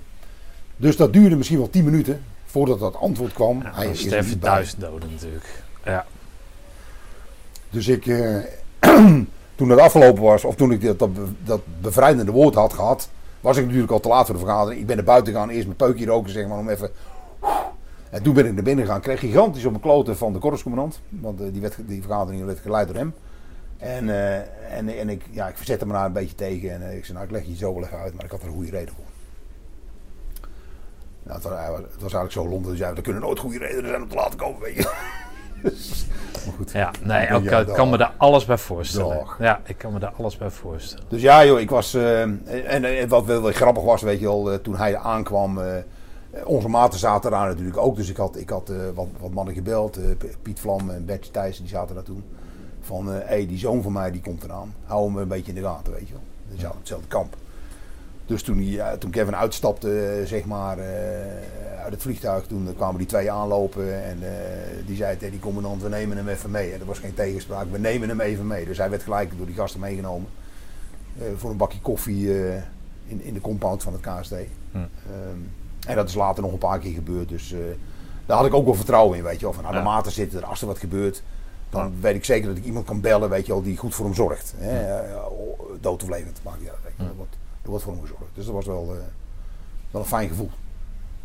Maar een, eh, Ja, mooi. Ja, mooi. Ja, ja, ja, gewoon wel een mooi verhaal. Ja, steekhoudend verhaal. Ja, helemaal passend in, in wat je vrouw heeft meegemaakt en jij hebt meegemaakt. En dat dan allemaal verbonden in de uitzending van je zoon. Ja, geweldig.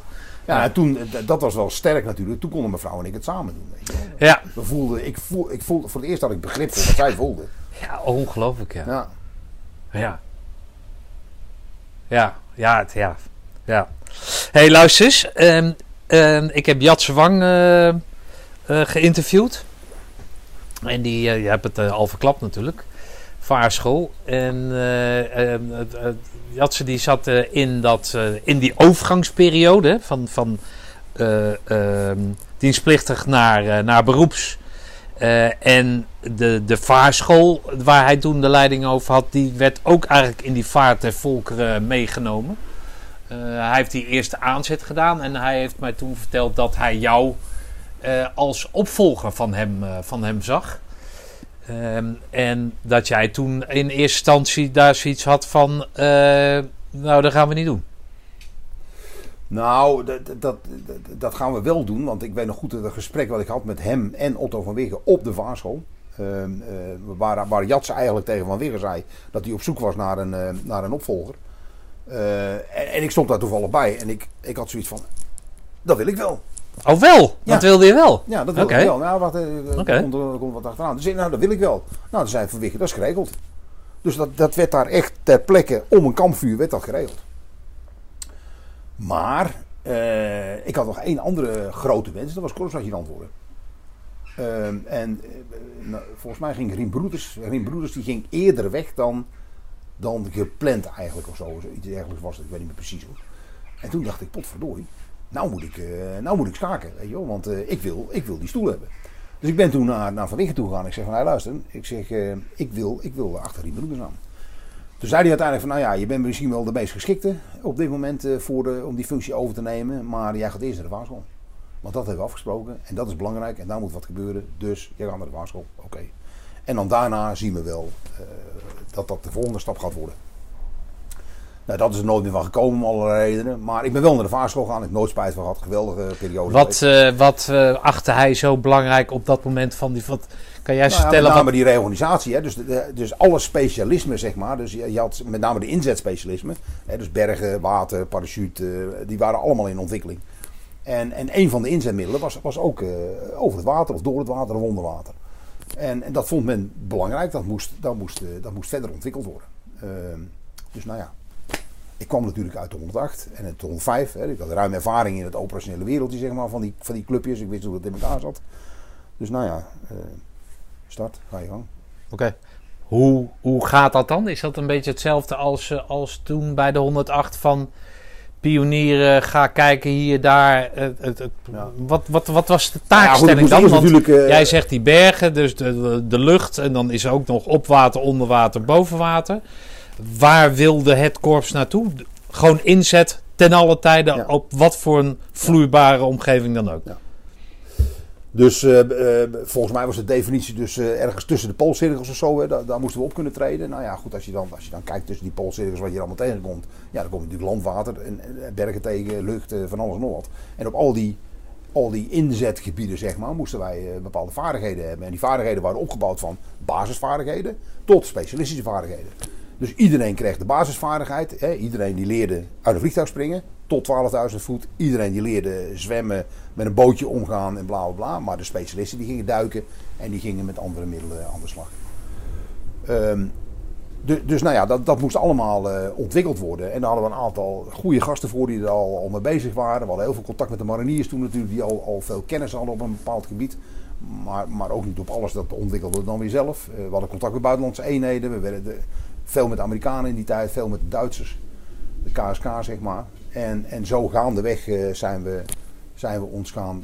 Waarom moet Nederland een, eh, een of nee, Nederland, nou niet Nederland, maar waarom moet het korpscommandotroepen op water, waarom moeten zij op water kunnen opereren? Waarom moet de hele Ja, wereld het, het slagveld zijn? Wat, wat, wat, wat is daar de, de achterliggende gedachte achter? Waarom Nou ja, als klein land niet concentreer je niet op van binnen die NATO, als er wat op die manier aan de hand is, dan moeten de Nederlanders hebben. Waarom moet Nederland zich van links tot rechts? Dat, weet- dat weet ik niet, dat moet je aan, Nee? de, aan de politiek vragen. Dan moet je aan de militaire Nou ja, maar vragen. misschien dat er. Maar eh, de- kijk, de opdracht van het KSD was wel duidelijk. Hè. Die staat op papier, die is geformuleerd. En dat was eh, waar ook de wereld eh, tussen de, tussen de poolcirkels of iets dergelijks. Ehm, wel natuurlijk geënt op, op, op, op, op strategische doelen. Hè. En, en als je kijkt naar strategische doelen, waar bevinden die zich? Nou ja, gro- grote eh, wooncentra, fabrieken, eh, industrie, eh, dat, dat staat vaak wel aan het water. Hè. Dus, ehm, Ja, oké. Ja, dat, hè, dus, ja. dus dat, dat kan een reden zijn. Een andere reden is dat het water wel een manier is om er te komen. hè. Je kan natuurlijk over de weg gaan, maar dat ligt vrij voor de hand. Nou, dat wisten we uit Afghanistan. Als je over de weg rijdt, dan rijd je tegen Ben- bermbommen aan. Hè, ga je door de bergen, dan is niemand die je ziet. En zo kun je dat met water ook doen. Hè. Ook, in, ook in Afghanistan zijn ze een aantal keer over de rivier gegaan. En, en daar zijn ze niet ontdekt. Eh, Dus het heeft allerlei mogelijkheden over het water. Maar jij, jij komt daar dus aan en, en kan je het, het, eh, de, de situatie toen weergeven en tot, totdat je het verlaten hebt, die ontwikkeling, kan je die schetsen? Nou, ik moet zeggen dat, eh, dat onder leiding van Jatsen al heel veel in gang gezet was. Hè. Er, stond, eh, er stond al een nieuw lesgebouw. we waren bezig met de bouw van een nieuwe loods. Dus de oude loods ging weg. er was heel veel nieuw materiaal ingestroomd. de duikmaterialen bijvoorbeeld, die waren er allemaal. Er was een opleiding die toen nog wel in de kinderschoen maar die was er. Er was zelfs een vervolgopleiding, een tactische module. eh, waar ik wel een andere visie op had, maar hij was er wel. Ehm, eh, nogmaals, heel veel nieuw materiaal, nieuwe boten. ehm, eh, de, de, de rips die waren ontwikkeld, dus de grotere boten. Ehm, die, die, die, waren, die werden gebouwd op dat moment toen ik, eh, toen ik aankwam. Ik nog goed dat ik die eerste boot met Jatsen ben gaan ophalen in, eh in IJmuiden waar die gebouwd was. Ongelooflijk van onder de indruk, want ik weet nog goed dat ik de eerste keer met hem daar kwam om te kijken. En eh, hij had wel verteld wat voor soort boten dat daar waren, maar ik had, ik had er helemaal geen verstand van toen in die periode. En daar stond een motor, eh, een vrachtwagenmotor. Een joekel van dat ding. Dus ik zeg, ja, wat is dat dan, jongen? Weet je wel? Ja, dat is een motor van onze boot. Die Ja, zit we achter op je boot of bijvoorbeeld in de boot In de boot. En daar hebben we er Ja. twee van, zei hij. Twee. 315 pk per stuk, weet je wel. Joekels van dingen. Goh, verdorie, dat is wat. Dus ja, toen wij die boot op gingen halen samen, was, was diep onder de indruk. Want dat was echt een, een geweldenaar.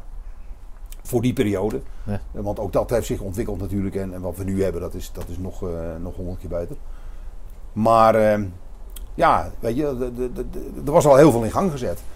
Alleen, ik kwam natuurlijk wel uit, uit de operationele compie. En ik wist een beetje hoe men daar dacht. En, en het denken toen was toch nog wel een beetje ouderwets. In die zin van eh, ja, veel afstand maken, grote met kilometers trekken, weet je wel. Veel fysieke inspanning. En, en eh, nou ja, dat was niet waar het om ging, weet je wel. Uiteindelijk was het ook maar een middel om ergens te komen. Ehm, en en dat, moest, dat moest wel eh, kunnen, eh, zeg maar. Dus ik ging veel meer zitten op, eh, op de realiteit. Van, nou, hoe, hoe zou zo'n inzet er dan uitzien en hoe kunnen we dat dan doen?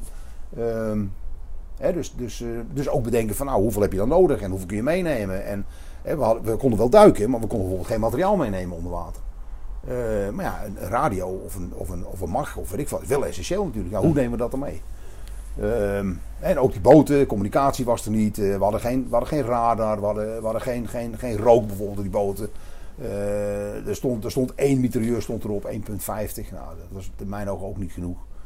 Eh, dus ook die boten hebben we weer aangepast en eh, nou, allerlei dingen bezig aan. De eerste handleiding ontwikkeld. En w- heb je dan een budget of zo? Of, of is dat gewoon het beste van het beste? Maakt in principe niet uit wat het kost.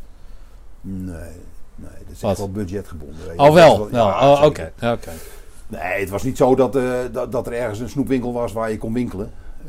Nee, maar omdat er een bepaalde taakstelling is, dan kan ik me zo voorstellen van nou, Ron, zoeken jullie het beste uit wat er is, overleg de prijs. Ja, ik heb geen idee wat een punt 50 kost. Nou ja, kijk, je moet, je moet uiteindelijk eerst, eh, als jij vindt dat je bijvoorbeeld met, met, een, met, met, een, met een rib ingezet moet kunnen worden. Nou, gaan we motiveren waarom je een rib nodig hebt. Dat heb Jatse overigens allemaal gedaan. Ehm, waarom je dat nodig hebt. Eh, en, en als daar dan, dan, dan eh, akkoord op is op dat idee. Ja, dan wordt er ergens wel een budget aangehangen. En dan kan je, dan kan je, daar, kan je daarmee aan de slag. Maar dat gaat niet Oké. heel makkelijk hoor. Heel, en heel vanzelf. Nee, dat, dat lijkt mij een moeilijk proces. Ja, En- en, dat duurt ook heel lang vaak. Ja, maar bijvoorbeeld zo'n duikopleiding, hè, waar je het over had, die, die spullen had, hij had, ze- had hij al geregeld, zeg maar.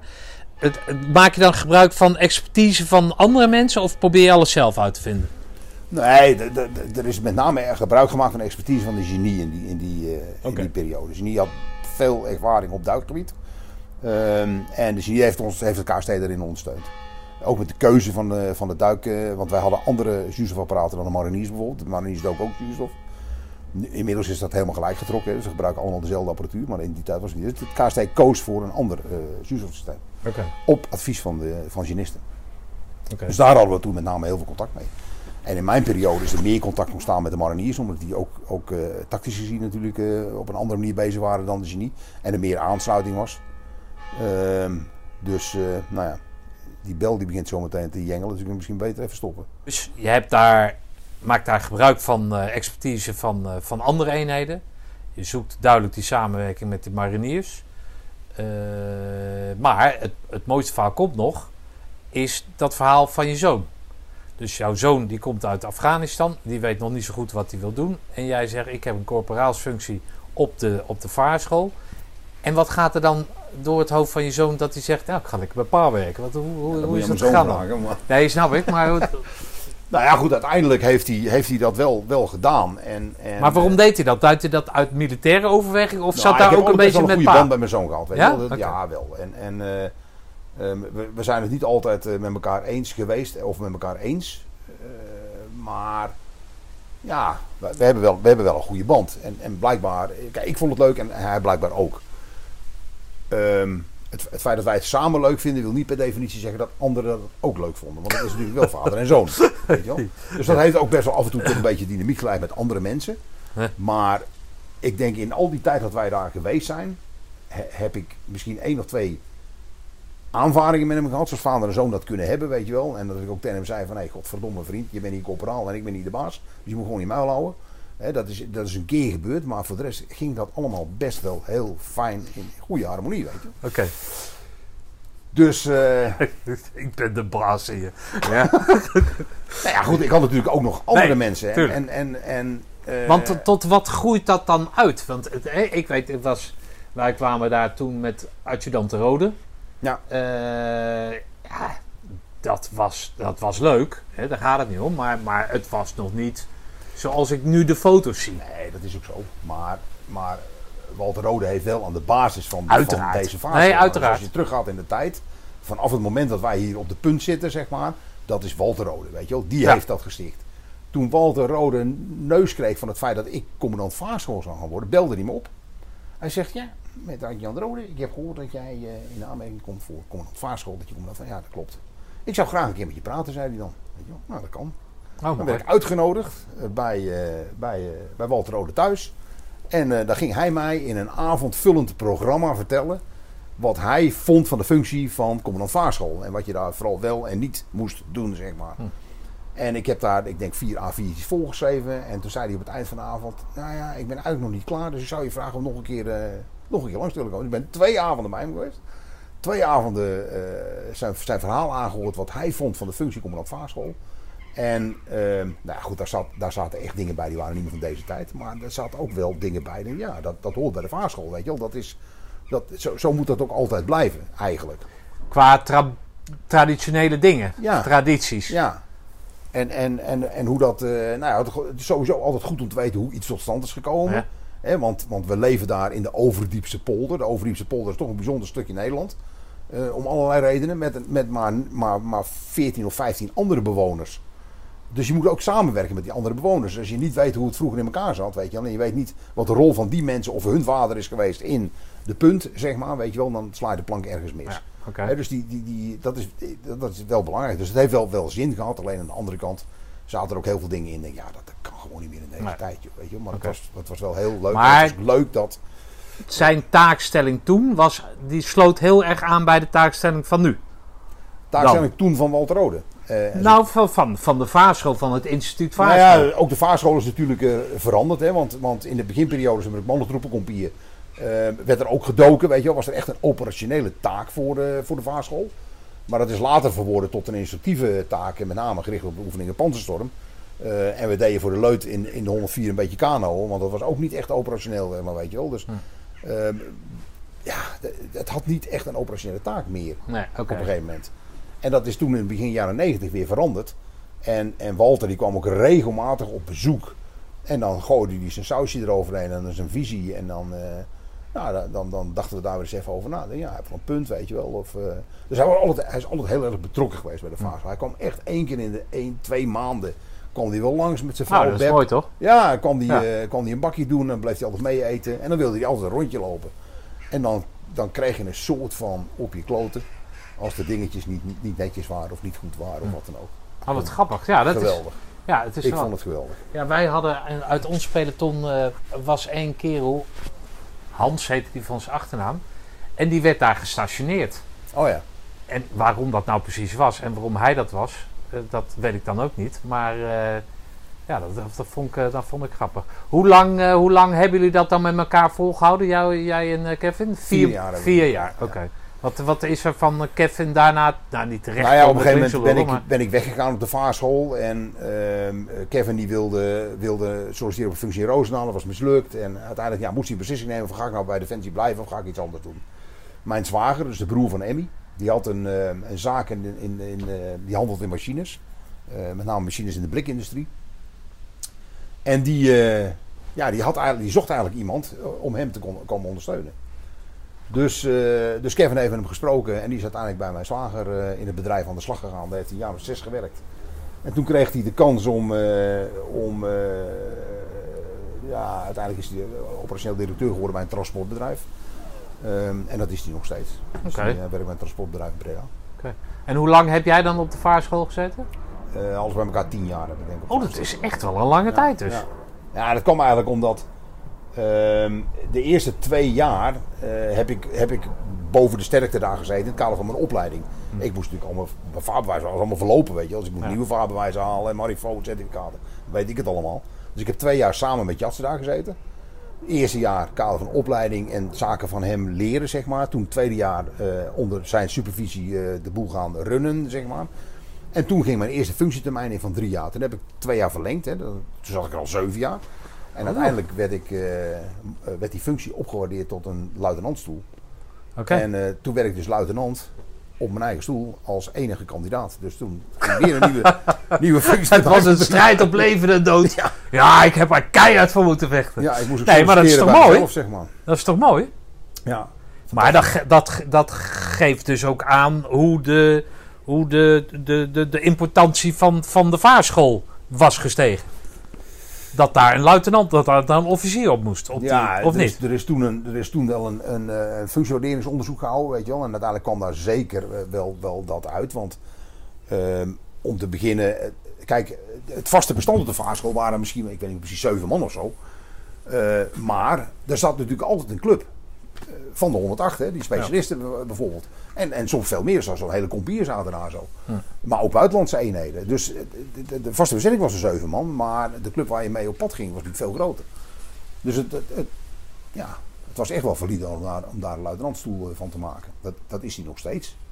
Eh, Nou ja, goed, als je nu Kamp van Koningsbrugge ziet, hoe eh, zeg maar het water een rol speelt, zal natuurlijk ook, nou ja, vanwege de taakstelling, maar ook vanwege de, de, de, de, de, de, de mooiigheid hè, van het beeld. Ja, toch? Dat Ja. betekent toch dat dat water dus een hele belangrijke plaats binnen de, binnen de, de taakstelling van de Zeker, ik had toevallig de, de huidige commandant Vaasel, die had ik van de week aan de lijn. En, en die, die, zat, eh, die zit in Denemarken.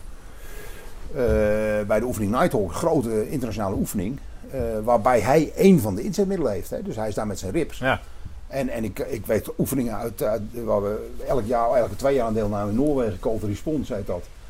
Ehm, waarbij vliegtuigen, hè, dat, dat was een, een, dat was een, een, ehm, een, een Special Operations eh airgroep, zeg maar, met, daar zaten C-130's in, helikopters van alles en nog wat. Maar die vlogen nooit. Dus, dus als er wat gebeurde, 9 van 10 was met boten. Dus wij zetten die kerels altijd in, weet je wel. Dus wij Ja. varen altijd elke nacht.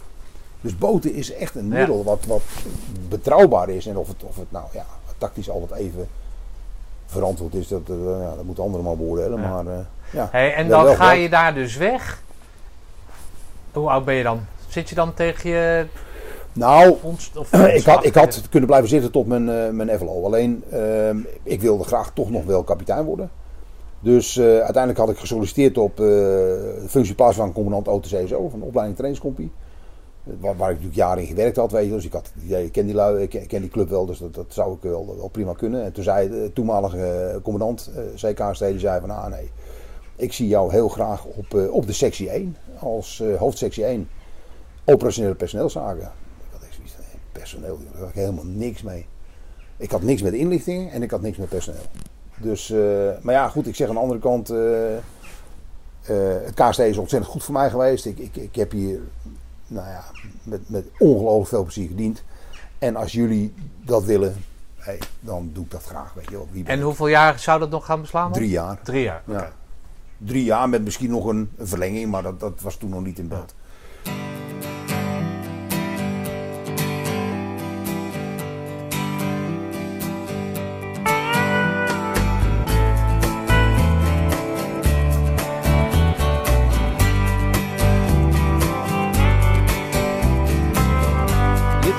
Another tequila sunrise, staring slowly across the sky. Said goodbye. He was just a hired hand, working on the dreams he planned to try the days go by.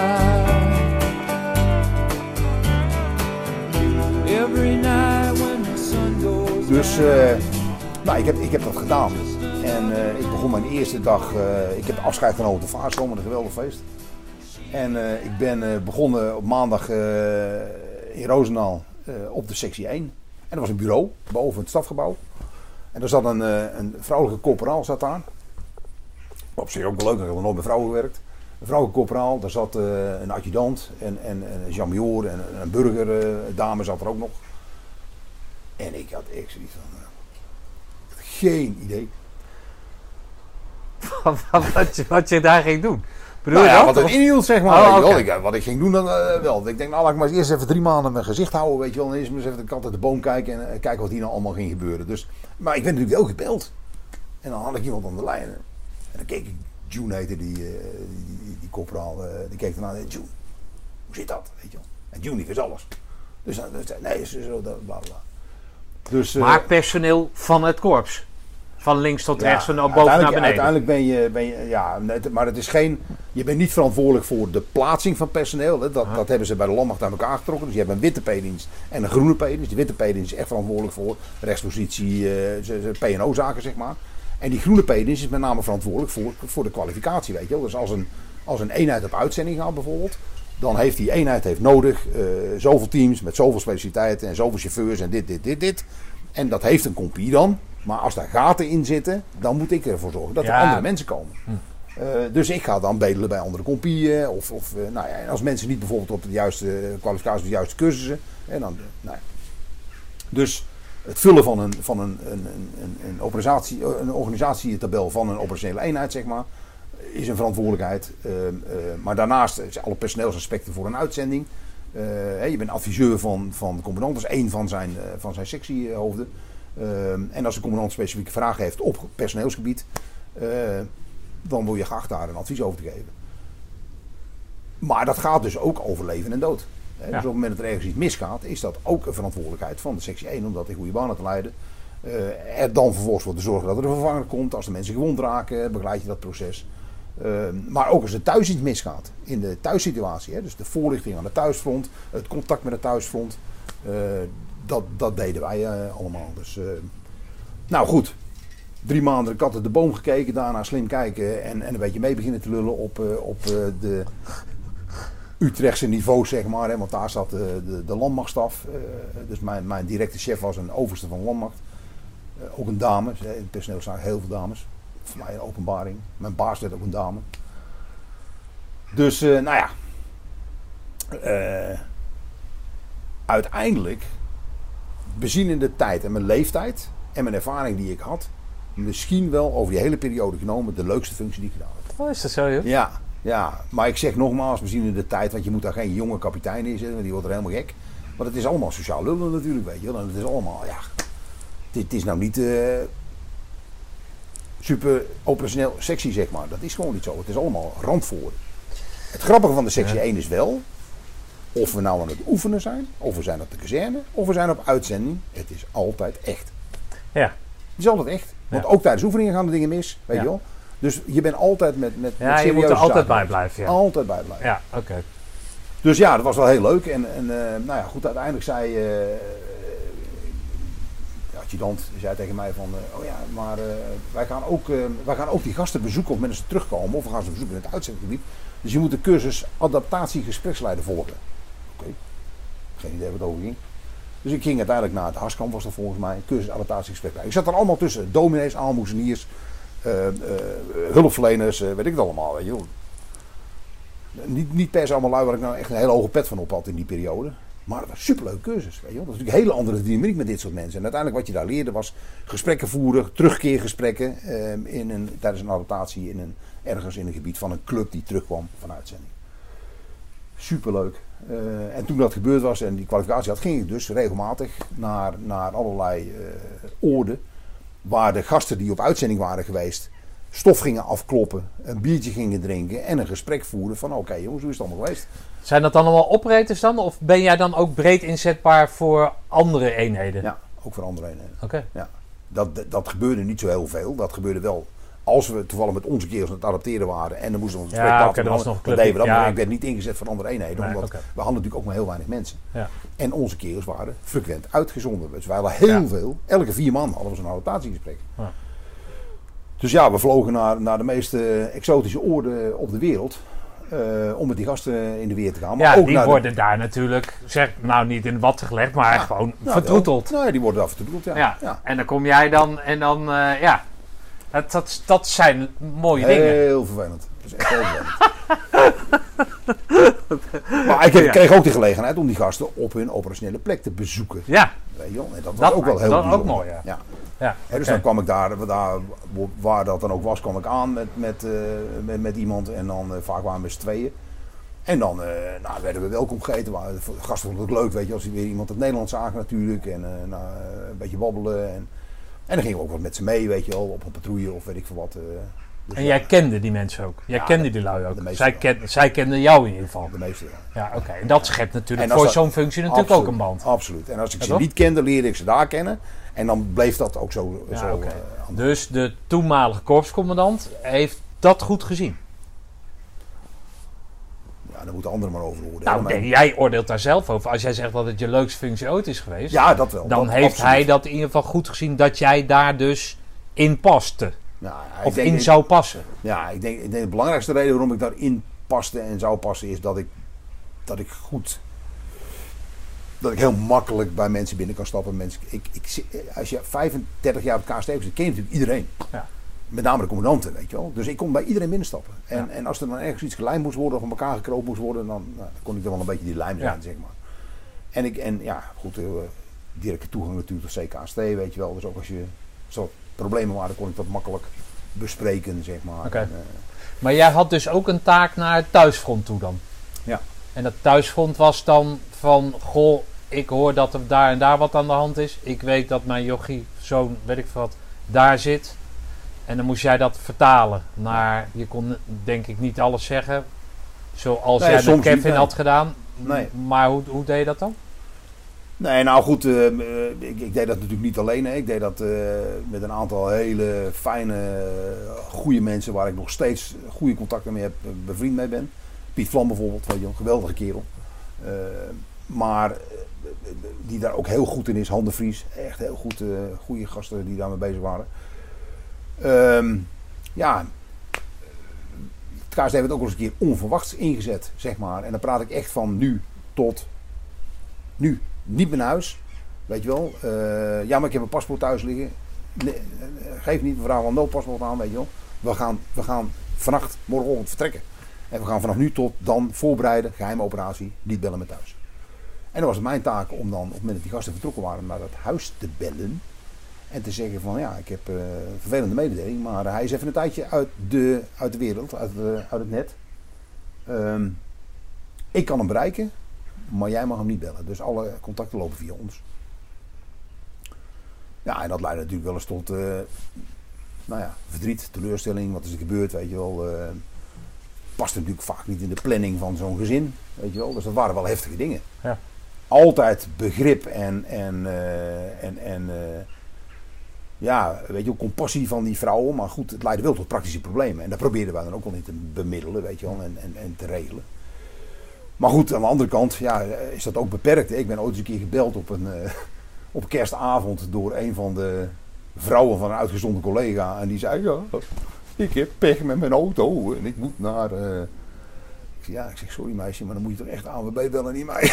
Want ja, weet je, kijk, als Ja. die nou Roosendaal woont, dan rijd ik er naartoe en dan pak ik mijn sleepkamer en sleep ik naar huis. Maar ja, dat was ergens in Noord-Holland, weet je wel. Ja. eh. maar dat, dat, was, dat gebeurde wel. Ja, ik, Ja. ik weet het niet meer, dus we bellen Piet of Ron of weet ik veel wat op. Ja. En die Nou ja, op zich regelen. niet zo'n hele gekke gedachte als je dat uitstraalt, die warmte. Als dat kon, dan deden we dat ook, Ja. tuurlijk. tuurlijk. Nee, oké. Ja, dat, is- nee, maar het is mooi. Ik vind het mooi dat je zeg maar, hè, dus als, als, als moeilijke jongen tussen haakjes, maar in ieder geval naar die KMS gaat, dat je daar dan, hè, dat je vader trots is, dat je dan in, hè, als militair wil zijn, wil worden, dat je dan ook op uitzending gaat, dat je eigenlijk een functie krijgt waar je denkt van nou, maar dat je dat dan aan het einde als mooi ziet. Want dan pak je al die ervaring van al die jaren, die Precies. pak je dus gewoon uit je rugzakje op het moment dat je het nodig hebt. Ja. Precies. Toch? Ja, dat is zeker zo. En, en uiteindelijk, eh, door, door de club mensen die we hadden en de contacten die we met de kerels hadden en, en met het thuisfront. En, ja, hebben, hebben we in mijn, in mijn ogen ook wel veel kunnen bereiken. Je, wel, veel goede dingen gedaan. Ja. Dat ging ook wel eens een keer mis hoor. Weet je wel. Er is ook wel eens miscommunicatie geweest en vrouwen die boos waren. En, ja, oké, dat, dat, dat is collateral damage. Ja, maar dan maak je het, het collectief maak je dan toch zo sterk. Ja, Hè, toch? zeker. Dus niet Zeker. alleen die kerels zijn daar belangrijk, maar alles wat er omheen hangt, familie, eh, weet ik veel. Maar dat maakt- was wel een 24-7 baan. Hè? Ja, natuurlijk, dat kan Want- me voorstellen. Het stopt natuurlijk nooit, weet je Nee. wel. En, we, en weet je wel, we hadden, we hadden zeg maar, eh, we hadden op het kaarsdelen wel één telefoon. En, en die van de commandant was natuurlijk ook al wel aan, weet je wel. Maar die telefoon, als, er wat, als de pleuris ergens uitbrak, dan werd die telefoon gebeld. En dan, dan eh, ja. Dus die telefoon die was altijd bezet. Die werd ook altijd opgenomen. En dat wisselden we wel, weet je. was een week had je die dienst. Ehm, nou, en als er dan wat gebeurde, dan ging die telefoon. Oké. Een leuk, leuke anekdote is dat op een gegeven moment. eh, we hadden een. Eind, dat was eind van het jaar. Hè, eind van het jaar, eh, de laatste twee weken van het jaar. eh, week 50, 51 zijn al bijzondere weken. Hè. Er is altijd een berettenuitreiking, er zijn beëdigingen, er zijn dus korts eh, infodagen. Nou, allerlei happenings die even afgevuurd moeten worden voor het eind van het jaar. En we staan op volgens mij een beëdiging. eh, dus een parade op, eh, op, op het square, zeg maar. En eh, ik was eh, kapitein adjudant, dus ik las altijd het verhaal voor voor de commandant. De commandant stond daar natuurlijk, heel de staf, iedereen aangetreden. Alle, alle sleutelfiguren stonden daar. En een van mijn sergeant-majors die had de, de telefoon zeg maar, in zijn zak. En ik zie hem, ik, ik zag de paradecommandant, zag ik al een beetje bibberen zo, weet je want zijn telefoon zat in zijn binnenzak en die ging af. Kon hij niet opnemen natuurlijk. Ik zag die sergeant-major zag ik rondrennen met de telefoon en een gesprek en dit en dat. Ja, weet je wel, er is wat aan de hand, weet je wel. Ik had wel, er is wat aan de hand. Dus uiteindelijk is die parade is afgelopen, iedereen eh, vertrekt en eh, het was de uitreiking van, van een aantal rode erekoorden ook. Dus die, die, die rode erekoorddragers die gingen de kantine in met hun familie, weet je wel. Dan gingen bier drinken. En het was eind van het jaar, dus we gingen waarschijnlijk veel bier drinken, weet ik veel. Nou, dat, dat eerste biertje was nog niet aan de lippen of jij, jij, jij meekomen. Zo ging dat. Dus we gingen naar eh, het bureau van CKST en er was een, eh, een evacuatieoperatie die uitgevoerd moest worden. Dus van het ene moment op het andere moment, en dan, nou ja, la- laat zijn geweest zijn vier uur 's middags, volgende ochtend om half acht, waren de kios vertrokken. Weet je wel, eh, voor de feestdagen, om even een evacuatie uit te voeren. Ja. Geweldig. Ja, ja, dat is geweldig, maar hoe leg je dat thuis uit inderdaad? Nou, dat thuis wist dat ook wel, weet je wel. Eh, Nee, ja, die- tuurlijk. We proberen dat wel goed te regelen. Ja. Door elke keer een compie aan te wijzen die verantwoordelijk waren voor dat soort zaken. Hè, dus dat het niet elke keer maar handpicked lui waren. Maar soms ging dat gewoon niet. Ja. Soms of, of die club was al ingezet en er kwam een ander dingetje tussendoor. En dan moesten mensen gewoon handpicked eh, een andere taak uitvoeren. Ja, en dan deed het wel eens pijn. Ja. Het is natuurlijk nooit leuk. Maar kijk, voor zo'n kerstverlof, ja, dat verwacht je natuurlijk niet. Nee. Ja. Nee, maar Maar ik, probeer me in te leven als burger. Weet je wel, zo van nou, dan heb je dus... We zijn met, vanavond met, of morgen zijn we met z'n zessen. Eh, als jij nou dat haard, eh, hout haalt, dan haal ik oma op. En dan, eh, als we nou om vijf uur... En dan valt in één keer valt de, de, de, zeg maar 50% weg omdat die weg is. Ja. Ja, dat, dat is even... eh, Een Toch? dingetje. Dat is even een dingetje, zo kan ik me zo voorstellen. Ja. En dan ken ik vrouwen, ik heb er twee gehad. Ik heb er nog steeds een. Die zegt, ja, maar dat hadden we niet afgesproken. Ja. Hè, daarom ben ik natuurlijk zo'n hele geschikte commando gebleken. Nee hoor, maar... hey, ga jij vanuit daar met FLO? Ja. Oké. Ja. Nou goed, eerlijk is eerlijk. Weet je, als ze toen gezegd hadden tegen mij, wil je nog drie jaar blijven, had ik het wel gedaan. Maar dat was niet aan de orde, want ik zat in een overtolligheidscategorie. Hè, Er waren kapiteins overtollig, zeg maar. Dus ehm, eh, Maar dat gebeurt wel eens vaker, hè? Want Peter van der Putten, een heel ander tijdperk. Maar die had dat ook. Ja, Dat er kijk, als je reorganisatie krijgt, aangemaakt. reorganisatie leidt er nauwelijks toe dat je meer personeel hebt. Dat is altijd vaak minder. Oh ja. Of eenheden worden opgegeven. Ja, dan heb je dus ergens mensen over. Ehm, en, en uiteindelijk hebben ze dat gewoon heel strak weggezet. We hebben zoveel kapiteins nodig. En als je er dan meer dan zoveel kapiteins hebt, ja, dan heb je zoveel tolligheid. En die laat je dan eh, Ja. natuurlijk afvloeien, zeg maar, wieberen. Ehm, kijk, als ik echt, als ik echt eh, me heel erg druk gemaakt had, had ik misschien wel kunnen blijven. Maar ik vond het ook mooi. Ik heb een, ik heb een gigantisch mooie tijd gehad bij Corus. Daar ben ik ontzettend dankbaar voor. Het is één groot jongensboek geweest. Ehm, dus ja, weet je wel, eh, goed is goed en eh, de tijd van komen, tijd van gaan.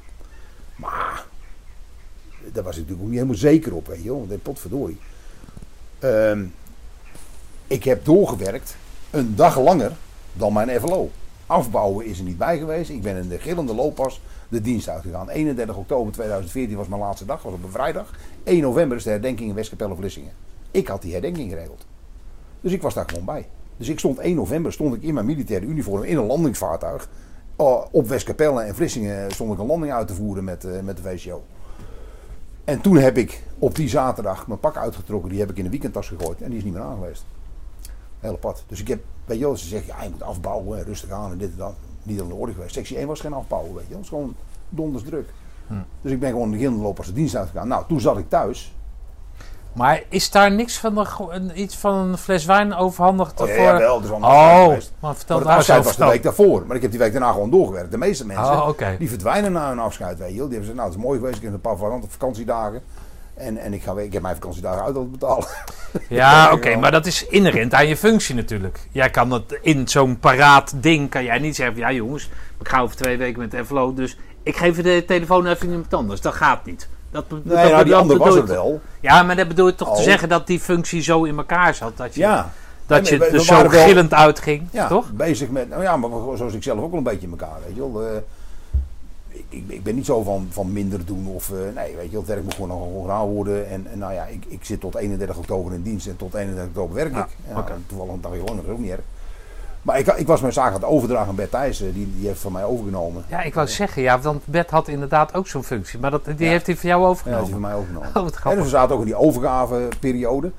En, en eh, nou ja, goed, wat, wat, wat grappiger was, in, in die periode gebeurde er eh, best heel veel. We, hebben een, we hebben een sterfgeval gehad eh, in die periode. Bert en ik samen hebben eh, eh, begeleid en aangevlogen. Een heel bijzonder geval ook. Een jongen die verdronken is met een duik, een, een privéduik overigens. Maar het was wel een commando, zat in de VCO, een opleiding. Maar die gozer die was kwijt, die konden ze niet vinden. En met mijn vaarschoolachtergrond wist ik hoe de politie met, met waterlijken omgaat, zeg maar. En in zijn algemeenheid met, met dat soort dingen. Dus dat, dat gaf niet heel erg veel vertrouwen bij mij van nou dat gaat wel goed komen. Dus wij zijn, die melding die kwam op eh voor mij tweede paas of pinksterdag of zo. In ieder geval een feestdag kwam die binnen. Nou, hup gelijk naar de kazerne. Een crisisteam samengesteld eh, met een aantal mensen. Contact gezocht met de politie die verantwoordelijk was ter plaatse, weet je wel. Gevraagd of wij die kant op mochten komen. Eh, de maatschappelijke werker naar die ouders toe. En, nou, dus met dat team waar we dat mee deden, bla bla. Wij daar naartoe, Bert en ik.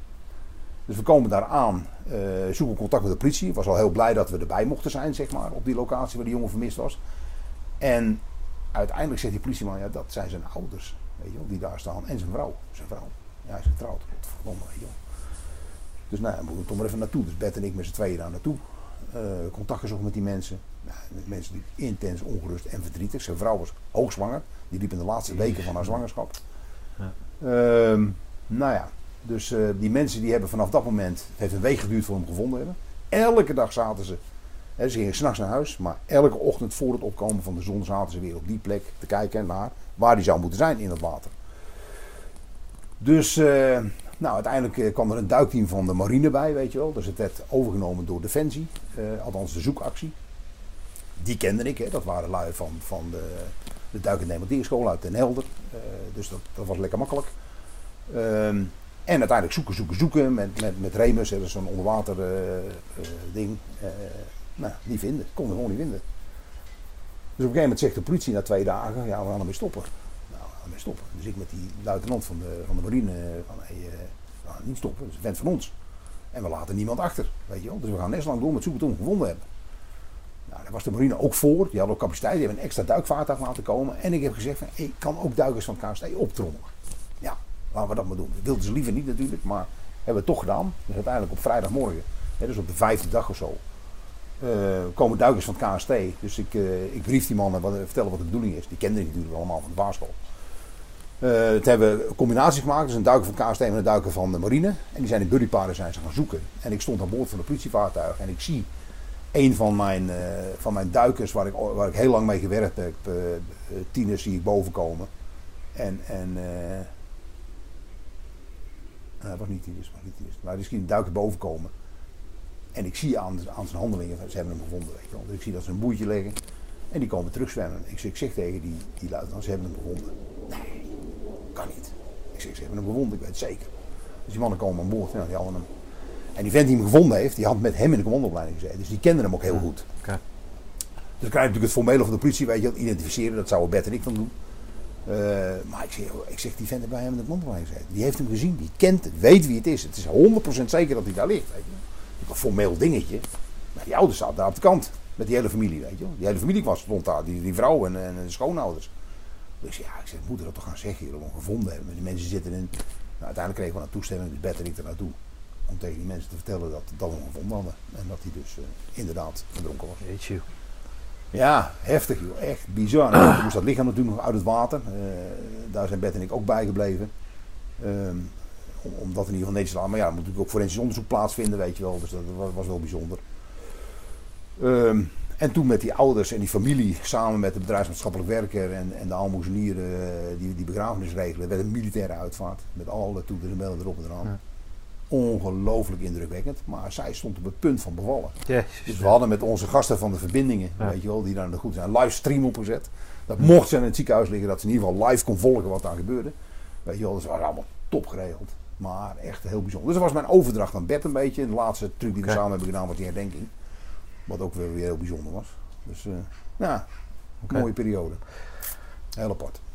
En alvorens dit, dit treurige verhaal, eh, heb je dus je EFLO of je, je afscheid? Of is dat daarna? Nee, dat is daarna. Oké. Dit, dit verhaal was, het, was in, in, in april, denk ik. Ja, wat je zei, kerst eh, of Pasen. Of, Ja, eh, want, eh, ik ben in oktober eruit gegaan. Als je dan 38 jaar eh, in dienst bent, zijn er dan mensen die willen komen? Of hoe, eh, Ja, er zijn wel mensen die willen komen. Ik had veel gasten. Ook veel leuke gasten. Eh, ja, nou ja, goed, in de uitnodiging is wel wat misgegaan. Want de gasten waar ik mee op de, mee op, mee op de KMS had gezeten, die waren ook uitgenodigd. Maar die, die uitnodiging is daar nooit aangekomen. Wat voor ook, dus die waren er niet. Erg jammer. Ehm, en ik moest mijn afscheid vieren samen met twee anderen. In dat jaar gingen namelijk heel veel mensen de dienst uit. En, en eh, het is sowieso moeilijk om ergens tijd te vinden bij het KST om iets te organiseren, weet je wel. Buiten dat kost het natuurlijk een paar centen. Dus uiteindelijk had ik me dan besloten om dat eh, met drie man tegelijk te doen. Eh, nou ja, dan krijg je dus maar een derde van de aandacht. Dat is jammer. Aan de andere kant was het eh, een mooie happening. En ik, ik- Maar dan staan er dus drie groepen mensen in elkaar of weet ik Ja. wat. ja. En dan wordt er... Ja, voor een deel overlapt dat elkaar, weet je wel. Want Ja. ik ging samen met Ger Kuiper en, eh en hoe heet nou voornaam? De Vries. De dienst uit. Oké, maar het was wel op de kazerne en het waren wel groene beretten die afscheid namen. Nee, er was één, één Blenko eh Ah, baret bij. Dus de, de Vries is een, een verbindings, eh, verbindingsman, IT'er. Ger en ik wel. Hè. We, we zijn natuurlijk dezelfde periode Oké. opgekomen. We zijn ook hetzelfde bouwjaar. Dus dat klopt, eh, dat paste wel. En een deel van Gersen genodigden waren natuurlijk ook mijn genodigden. Dus dat liep wel een beetje in elkaar over. Maar het was wel, het was wel apart. Het is niet, het is niet echt zoals het hoort. Maar goed. Ehm, waar, waar ik wel heel blij om was dat ik afscheid, dat afscheid is genomen door Jan Swillens van mij, weet je wel. En, en Jan kende ik al heel lang en ik vond en vind Jan een geweldige kerel. Dus ik was er, eh, was er blij omdat hij dat heeft eh, gedaan. Jou toegesproken als, als vertegenwoordiger van het korps. Ja. Oké, wat, wat zegt, wat zegt zo'n vent dan? Ja, weet je, eh, natuurlijk je hele doopzeel wordt gelicht. Hè, van waar je vandaan wat allemaal hebt gedaan. Maar ja, Jan die kent mij goed. Ik heb, ik heb een aantal keer... Nee, eh, maar wat, hoe, hoe, hoe, hoe weet hij jou te treffen eh, qua typering, qua weet ik veel, omschrijving in zijn speech? Dat jij denkt, godverdomme, dat is, dat, dat is toch mooi dat het over mij gezegd wordt. En dan speciaal door hem natuurlijk. Nou ja, goed, met name omdat, omdat we eh, lang hebben samengewerkt en veel dingen met elkaar beleefd hebben, weet je wel. En als daaraan gerefereerd wordt, ja, dat is natuurlijk wel leuk. En Jan is altijd wel in voor een geintje, dus er werd ook nog een geintje gemaakt. Eh, in relatie tot de vaarschool. Maar eh, ja, weet je, zo'n dag gaat ook een beetje... eh, Het zal een trouwen zijn. Ja, toch? Ja. Gelukkig dat, De er beelden van zijn, of hoe je het ook de noemt. helft weet ik ook niet meer. Nee, oké. Maar het was wel een bijzondere dag. oké. Sta je er dan bij stil? Want jij zegt met gillende vaart en dan de dag daarna op Walcheren staan. Maar sta je erbij stil dat dat dan afgelopen is? Het, het, het, het leven van 's ochtends vroeg opstaan, naar je baan gaan, er Nou altijd willen zijn, moeten zijn. Dat is een beetje ontkennen, want dat wil ik natuurlijk niet. Weet je, ik, wil- ik, wil, ik wil daar niet bij stilstaan. Ik wil gewoon door met mijn leven. Ehm, ik, ik vind het ook niet, niet echt moeilijk om deuren achter me dicht te trekken. Weet je. wel. Als ik iets gedaan heb en ik ben er klaar mee en ik trek de deur dicht, klaar. Volgende stap. Dus ik, maar dat zei ik er straks al. Weet je. Ik kijk vooruit, ik kijk niet achterom. Met niks. Dus ehm, dat is de weg. Alleen hoe die weg eruit gaat zien, dat weet ik natuurlijk niet. Dus er zijn tien man waar ik in ja, dat ja, ja, de- zet zo'n vaarschool eh, samen met Jatse. Jatse zet je erop. Je hebt, je hebt allerlei aan pioniersdingetjes gedaan. En dan zou jij niet weten hoe je toekomst eruit ziet. Nee. Heb je, had je daar niks op voorbereid? Nou ja, wel. Ik bedoel, ik had natuurlijk met verschillende mensen gesproken. Van, eh, oké, wat, is, wat is dan... eh, nou, ik heb er wat voor je, weet je. Nee, ik heb er wat voor je. Dus, eh, heel veel mensen. Dat is net als met verhuizen, weet je. Er zijn tien mensen die, die komen jou helpen. En uiteindelijk staat er maar één. En die ene die er stond, dat was een, dat was een vriend van me. Een goede vriend van me, René. Net als verhuis. En Daar heb je zo die- vaak alleen voor een verhuis gestaan. Nee, nee, nee. Want Oh. toen ik, wat ik vertelde daar straks dat ik verhuisd ben van Roosendaal hier naartoe tijdens de uitzending. Zonder vier ton er hier voor de met tien commando's. Die mij verhuisd hebben. Weet je, want we Ah, hielden elkaar wel. Ja. Dus eh, die tien commando's die, eh, die, die, die reden hier de boel naar binnen. En de buren vroegen van, eh, tegen, me, tegen Kevin, mijn zoon, weet je wel, is dat je vader? Nee, dat is niet mijn vader. Is dat, is dat dan je vader? Nee, dat is ook niet mijn vader. kan ik niks over zeggen. Moet je maar naar spoorloos kijken. Dus dat was, dat was wel heel leuk. Nee, maar goed, kijk, ik had wel een idee welke kant ik op wilde, maar je moet het wel concretiseren natuurlijk. Ja. Dus die, die vriend van me, die, die zei van, ja, wil je niet bij mij komen werken? Die, is, die was projectleider bij een bouwbedrijf. Dus ik zeg, ja, nee joh, ik, ik, kan helemaal niet bouwen, ik, ik kan wel dingen kapot maken. Die heb ik ook nodig, zei hij. Ik heb ook, ook lui nodig die dingen voorbereiden, weet je wel. Eh, ja, toen had ik van, nou, ik weet niet of dat nog wel zo leuk vindt, weet je wel. Maar goed, aan de andere kant ik, moet wel bezig gaan, weet je. Ik moet wel aan de slag, ik moet fysiek bezig blijven. En, en ik, ik wil ook wel, hè, mijn streven was, hè, je gaat er ongeveer 500 euro op achteruit, ik noem wat. Die 500 euro wil ik in ieder geval dichtrijden. En voor de rest dan gaat het allemaal wel kloppen. En ik wil, ik wil niet, niet thuis, ik wil bezig zijn. Dus ik denk, ja, ik kan mij het verrotten, ik kan het wellicht proberen. Dus ik ben het gaan proberen. Dus ik kwam eh, mijn eerste keer mijn klusje voor René, samen met René in, in, eh, in Dordrecht. Eh, het, het was in de winter, hartstikke donker morgens. In een fabriekshal, zonder licht. En met mijn hoofdlampje die ik van dienst had meegenomen. Er moest een of, andere, een of andere grote, dikke stijger aan elkaar gehaald worden, weet je wel. Nou ja, die moet aan elkaar en dan moet je daar neerleggen. En ja, oké. Liep er een of andere voorman rond, weet je. Dus ik, ik ben daar aan de slag gegaan in mijn uppie. Eh, ik wist nou niet zo goed waar ik mee bezig was, weet je. Ik wist wel van, nou, een beetje oppassen. Veiligheid, dat zat er allemaal wel in, weet je. En ik was redelijk sterk, dus ik, eh, dat, dat lukte uiteindelijk wel. Dus ik was eigenlijk binnen, binnen een uurtje was ik daarmee klaar. En ik loop terug naar die voorman. Ik zei, nou, ben klaar. Dus die keek me aan. Hè? Klaar? Hoezo dat dan, weet je wel? Ja, klaar. Eh, Is dat, ja, dat ligt allemaal. Oh, oh, oh. Nou, dus nu moest ik gaan verzinnen wat ik de volgende ging doen. En, en dat, dat was wel grappig, weet je wel. Want uiteindelijk heb je nul, nul ervaring, nul opleiding in, in, op dat gebied. Eén ding heb je wel, weet je wel. Je bent op tijd. Je, je zegt wat je doet en je doet wat je zegt. Eh, en je bent hartstikke betrouwbaar. En je werkt hard. Ja. Dus joh, ik werd overal gevraagd op een gegeven moment. Dat duurde, dat duurde niet een paar weken. Maar in het begin werd ik wel een beetje uitgeprobeerd natuurlijk. Even kijken wat die allemaal, allemaal wel kan. Weet je. Dus op een gegeven moment had hij, eh, werden, met vrachtwagens werden dingen kapot gereden. Weet je. Als je, ja, moet eigenlijk van die betonnen paal even komen. Die liggen daar en daar. En eh, als jij die nou even op die hoeken erin zet, weet je wel, dan is het prima. Dus ik kom bij die betonnen paal aan. Tering, dingen waren niet te tillen. maar ik ging natuurlijk ook niet om hulp vragen. Weet je. Dus ik heb uiteindelijk net zo goed mijn kruiwagen gemanoeuvreerd. Dat ik ze via zo'n zo'n zo'n dok van zo'n vrachtwagen in die, in die kruiwagen kon manoeuvreren. Gat gegraven met een soort van glijbaantje. Plop, plop, plop. Op een gegeven moment belt hij op. hey, eh, het is eh, etenstijd, eh, maar kom je nog? Want het was al tien minuten later, weet je Bij, bij die gasten in de bouw is dat niet zo, tijdens tijd, om te eten dan. Dus ja, kom maar dan, met mij dan klaar. Dus nou, ik kom eraan en we gaan eten. Hij zegt, lukt het met de paal? Ik zeg, ja, ze staan erin. Nee, zegt hij. Nee. Ja, tuurlijk staan die erin. Nou, weet je wel, echt geweldig. Dus, maar ik heb het, kortom, ik heb het hartstikke in mijn zin. Ik vond het echt superleuk werk. En uiteindelijk eh, krijg je steeds meer vertrouwen. En, en ik had mijn eigen autootje. En dan moest ik bij de McDonald's weer een klusje doen. En dan weer daar. En ik reed gewoon het land door, eh, de regio. En allerlei klusjes. En soms was het bouwen, en soms was het slopen. En, eh, superleuk. Maar, Ah, dat was natuurlijk niet waar. Ik- Waar ik, eh, ja, het was niet Nee. team, weet je wel. Hoe- want jij komt uit dat personeelsding. Jij komt uit dat die, wie- wielen en dealen en, en, ja, en dingen voor elkaar krijgen, toch? Dan is dit toch gewoon puur en alleen je, je, je nou ja, niet je frustratie, maar in ieder geval Nee, bezig, zijn, bezig zijn. Nou ja, maar ik vond het ook gewoon echt leuk. Ik vond het ook echt leuk Ja, oké, maar het, En het grote voordeel was, weet je wel, met alle verantwoordelijkheden die ik toen voelde, hè, voor die tijd. Eh, of het mijn verantwoordelijkheid was, weet ik niet, maar het voelde dat wel zo. Weet je wel, hoefde ik hier nergens over na te denken. dat, dat, dat, ja, dat. Heerlijk. Ja. Het was echt zo lekker, weet je. Ja, dat ken ik, ja. Dus, eh, nou ja, eh, dat- dat, dat vond ik heel leuk. Ik vond het werk leuk. Het, het was goed voor mijn lijf. Ik werd er fysiek sterk van. En, eh, nou, bla bla. Toen op een gegeven moment werd ik op een ochtend benaderd door een andere oud-commando. Die ik, die ik gedurende mijn, mijn diensttijd heb leren kennen. en die zegt van, joh, Ron, ze zijn bezig in Schaarsbergen met het testen van nieuwe uitrusting voor Defensie. Nieuwe gevechtsuitrusting. Maar dat is een Israëlisch bedrijf, daar, daar werken wij mee samen. Ehm, daar zit DMO zitten bij het departement materieel en die kerels die dat gaan testen. Hij zegt, en ze zijn vorige week ook bezig geweest en het, het, loopt niet. Het loopt niet. Kun jij daar niet eens naartoe? Om eens te kijken of je daar een beetje, een beetje lijm mee tussen kunt douwen en of je die, die clubjes aan elkaar kunt koppelen. Mega wazig verzoek natuurlijk, weet je wel. eh, op maandagmorgen en ik moest daar om één uur zijn. Oké. Nou, flexibel zijn we wel, weet je wel. Ik had toch niks anders te doen, dus eh, ik zei prima. Dus ik ben in mijn auto gestapt. En ik stond om half één eh, stond ik in Schaarsbergen. Ik meldde bij die club.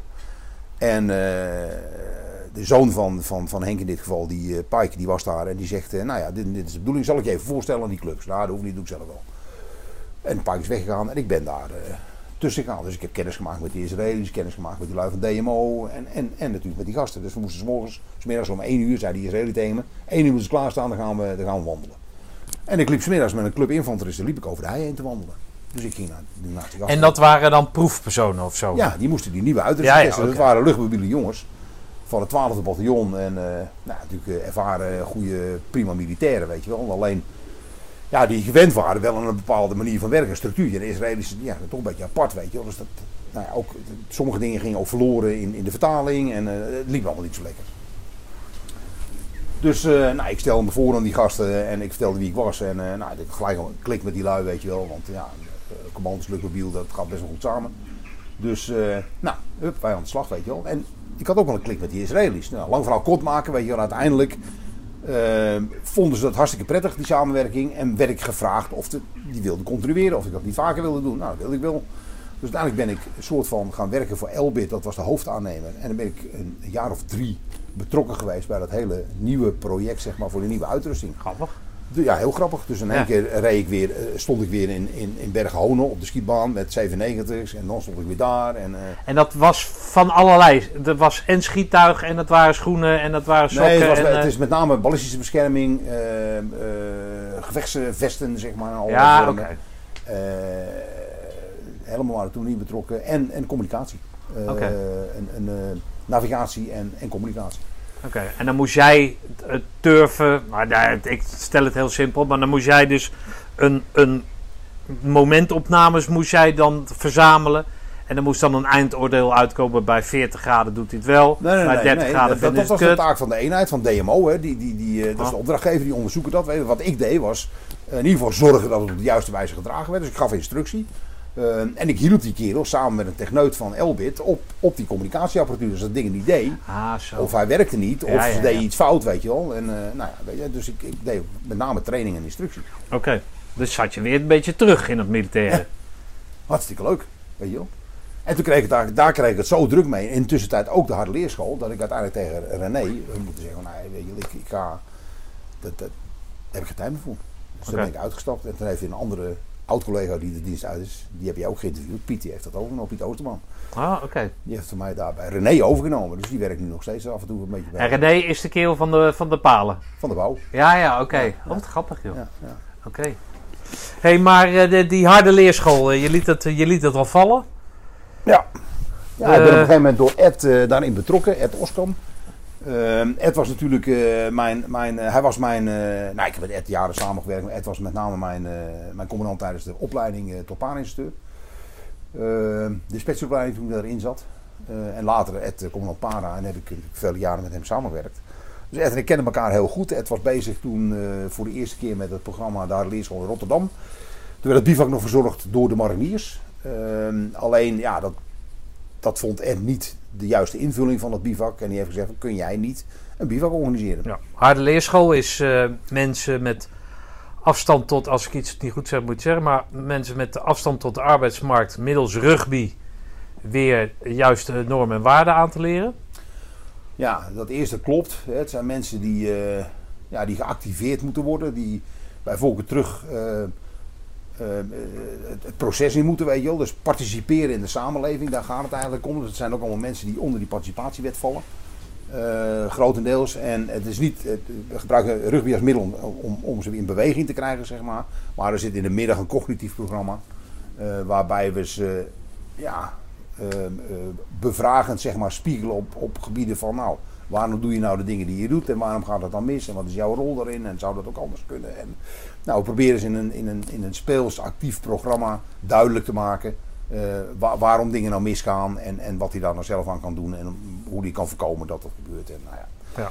We doen gastlezingen, eh, mensen die, die eh, inspirerende dingen hebben meegemaakt. Of, of, nou, dus eh, het programma van acht weken Ja. drie dagen in de week. Met het grootste doel participeren in de samenleving. En dat is. eh, Nou, dat komt overeen met, met jouw achtergrond, toch? Je fysieke achtergrond. ja. Maar zeer zeker ook met die laatste drie jaar dan, ja, nou ja, ja. toch? Nou goed, mijn hele, mijn hele militaire eh, carrière heeft natuurlijk in het teken gestaan van, van omgaan met, met jonge mensen. eh, die, eh, die, die taken hebben in het leven. En, en ja, hoe kan ik daar iets aan bijdragen? Hm. En, en militair gezien was dat natuurlijk ooit een stukje opleiding en training. Maar ook begeleiding. En, en, en, en later, eh, nou ja, in ieder geval zorgen dat het thuis allemaal goed geregeld is. Dat jij je werk daar kan doen en zo. Weet je wel, dat soort dingetjes. Ehm, maar ja, dat is wel iets waar ik, waar ik eh, van nature wel goed in ben. Zeg maar. eh. Wat, wat vroeg Ed dan precies aan jou om, om, om te gaan doen? Nou, eerst, eerst we doen halverwege, in- in de, in de vierde week, doen we een driedaags bivak met die gasten. Om ze even uit, de, uit hun comfortzone te krijgen. er zit veel, eh, eh, bij deze doelgroep veel drugsproblematiek, eh, alcoholmisbruik, gamen, weet je, allerlei verslavingen. En nou ja, die, dat kan dan even niet op het bivak. Dat doet pijn en dat roept dan ook allerlei emoties weer op. Nou, daar moet je ook mee om kunnen gaan, zeg maar. Dus dat bivak is heel uitdagend voor die gasten. Voor ons stelt het allemaal gereed voor, maar voor die kerels is het echt uitdagend.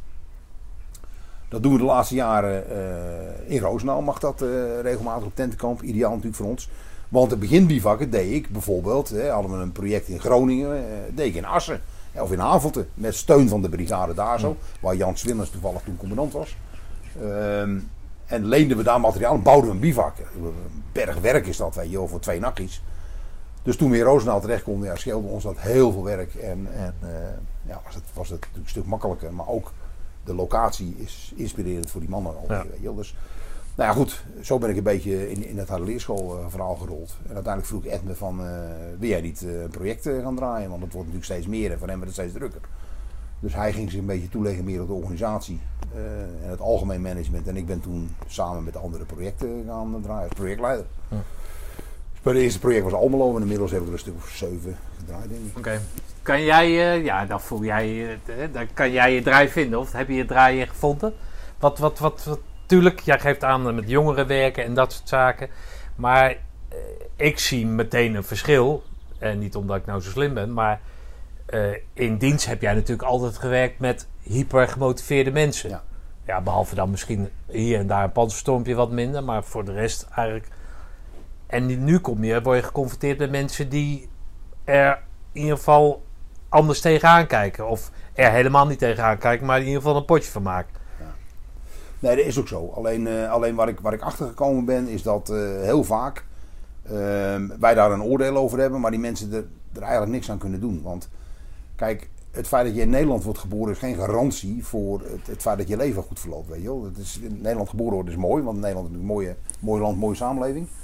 Maar het is maar achter welke deur je, achter welke deur je wordt geboren. Ja. Ehm, en als dat de verkeerde deur is, ja, dan heb je een. Ja.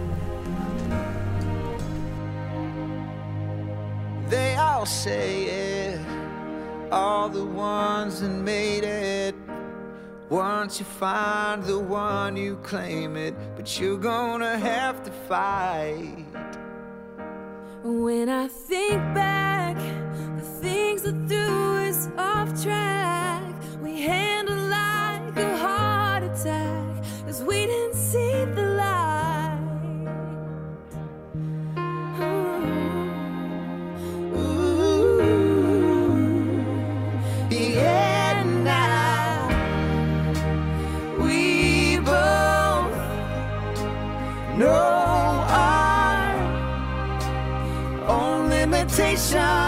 and that's why we're strong. Now that we spent some time apart, we're leading each other out of the dark. Cause we both know from this moment,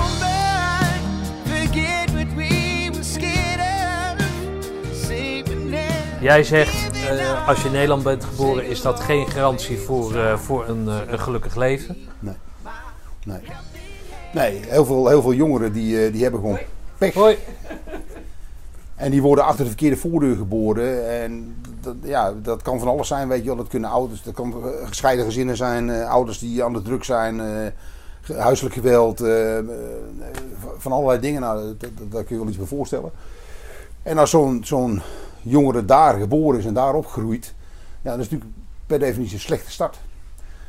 Ehm, en als je dan ook nog laag ontwikkeld bent en, en eh, misschien zelfs wel een lichte verstandelijke beperking hebt, ja, dan, dan is het moeilijk om in deze maatschappij eh, te participeren. En dan zoeken ze vaak naar middelen ehm, ja, die ook niet direct toe leiden dat het allemaal beter wordt, hè, zoals drugs en alcohol.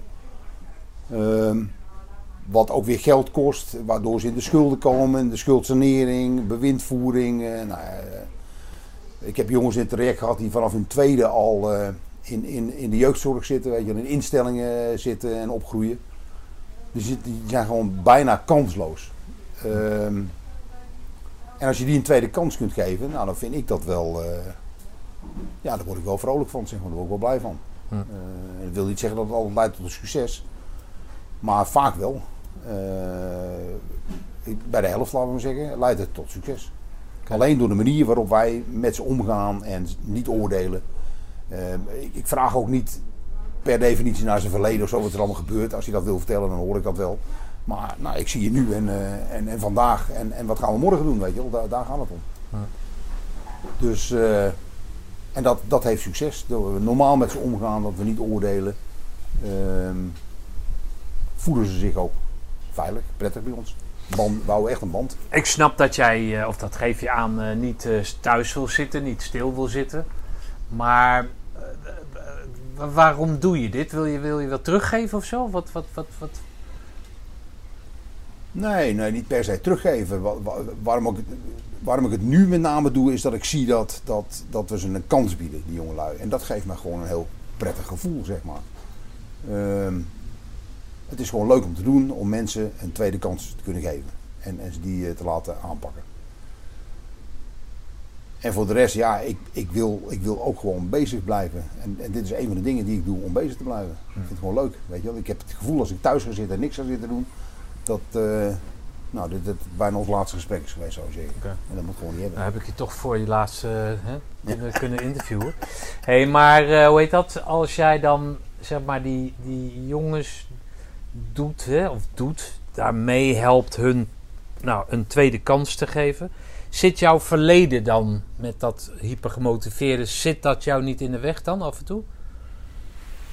Ja, soms wel. Weet je wel. Ik vind, vind eh, mensen die niet willen, eh, daar, kan ik, daar kan ik slecht mee omgaan. Weet je wel. Mensen die altijd maar in die slachtofferrol blijven zitten of achterom blijven kijken, daar kan ik niet zo heel goed tegen. Ehm, gelukkig zijn we altijd met z'n tweeën in zo'n project.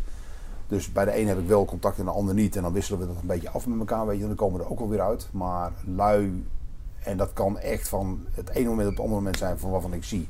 Nou, maar jou wordt het niks, jij wil niet, weet je wel. Dan ben ik er ook wel klaar mee ook hoor. Oké. En, da- en dat doe ik dan. eh, Dus daarin is er geen tweede kans meer. Nee. Nee. Oké. je moet wel willen. Kijk, en als mensen niet bij machten zijn om het te doen, omdat ze bijvoorbeeld een onderliggend iets hebben, een onderliggend lijden waar, waar ik misschien niet 1, 2, een oplossing voor heb, maar waar ik hem wel bij kan helpen, dan, dan krijgt hij wel die kans, weet je, want hij kan er niks aan doen. Nee. Maar lui die echt niet willen, of de boel besodemieteren, Nee. Hey, die eh, groene beret, hoe, eh, hoe, eh, hoe belangrijk is die? wat, wat, heb je, wat heb je aan het ding gehad? Nou ja, natuurlijk is die heel belangrijk. weet je. Die, die, heeft, die, heeft, die heeft sowieso mijn militaire leven bepaald, maar ook mijn, mijn, mijn privéleven bepaald. Weet je wel, hoe- hoewel ik niet op de kazerne niet anders ben dan thuis, maar het heeft natuurlijk wel, wel zijn invloed, daar hebben we het al over gehad. Ehm, omdat ik 35 jaar bij het KST gediend heb, is het een soort van, ja, als normaal geworden, weet je wel. Ik, ik weet niet anders. Dus het is niet zo dat ik met, met weemoed naar mijn beret kijk of dat... Nee, weet je wel, ik bedoel...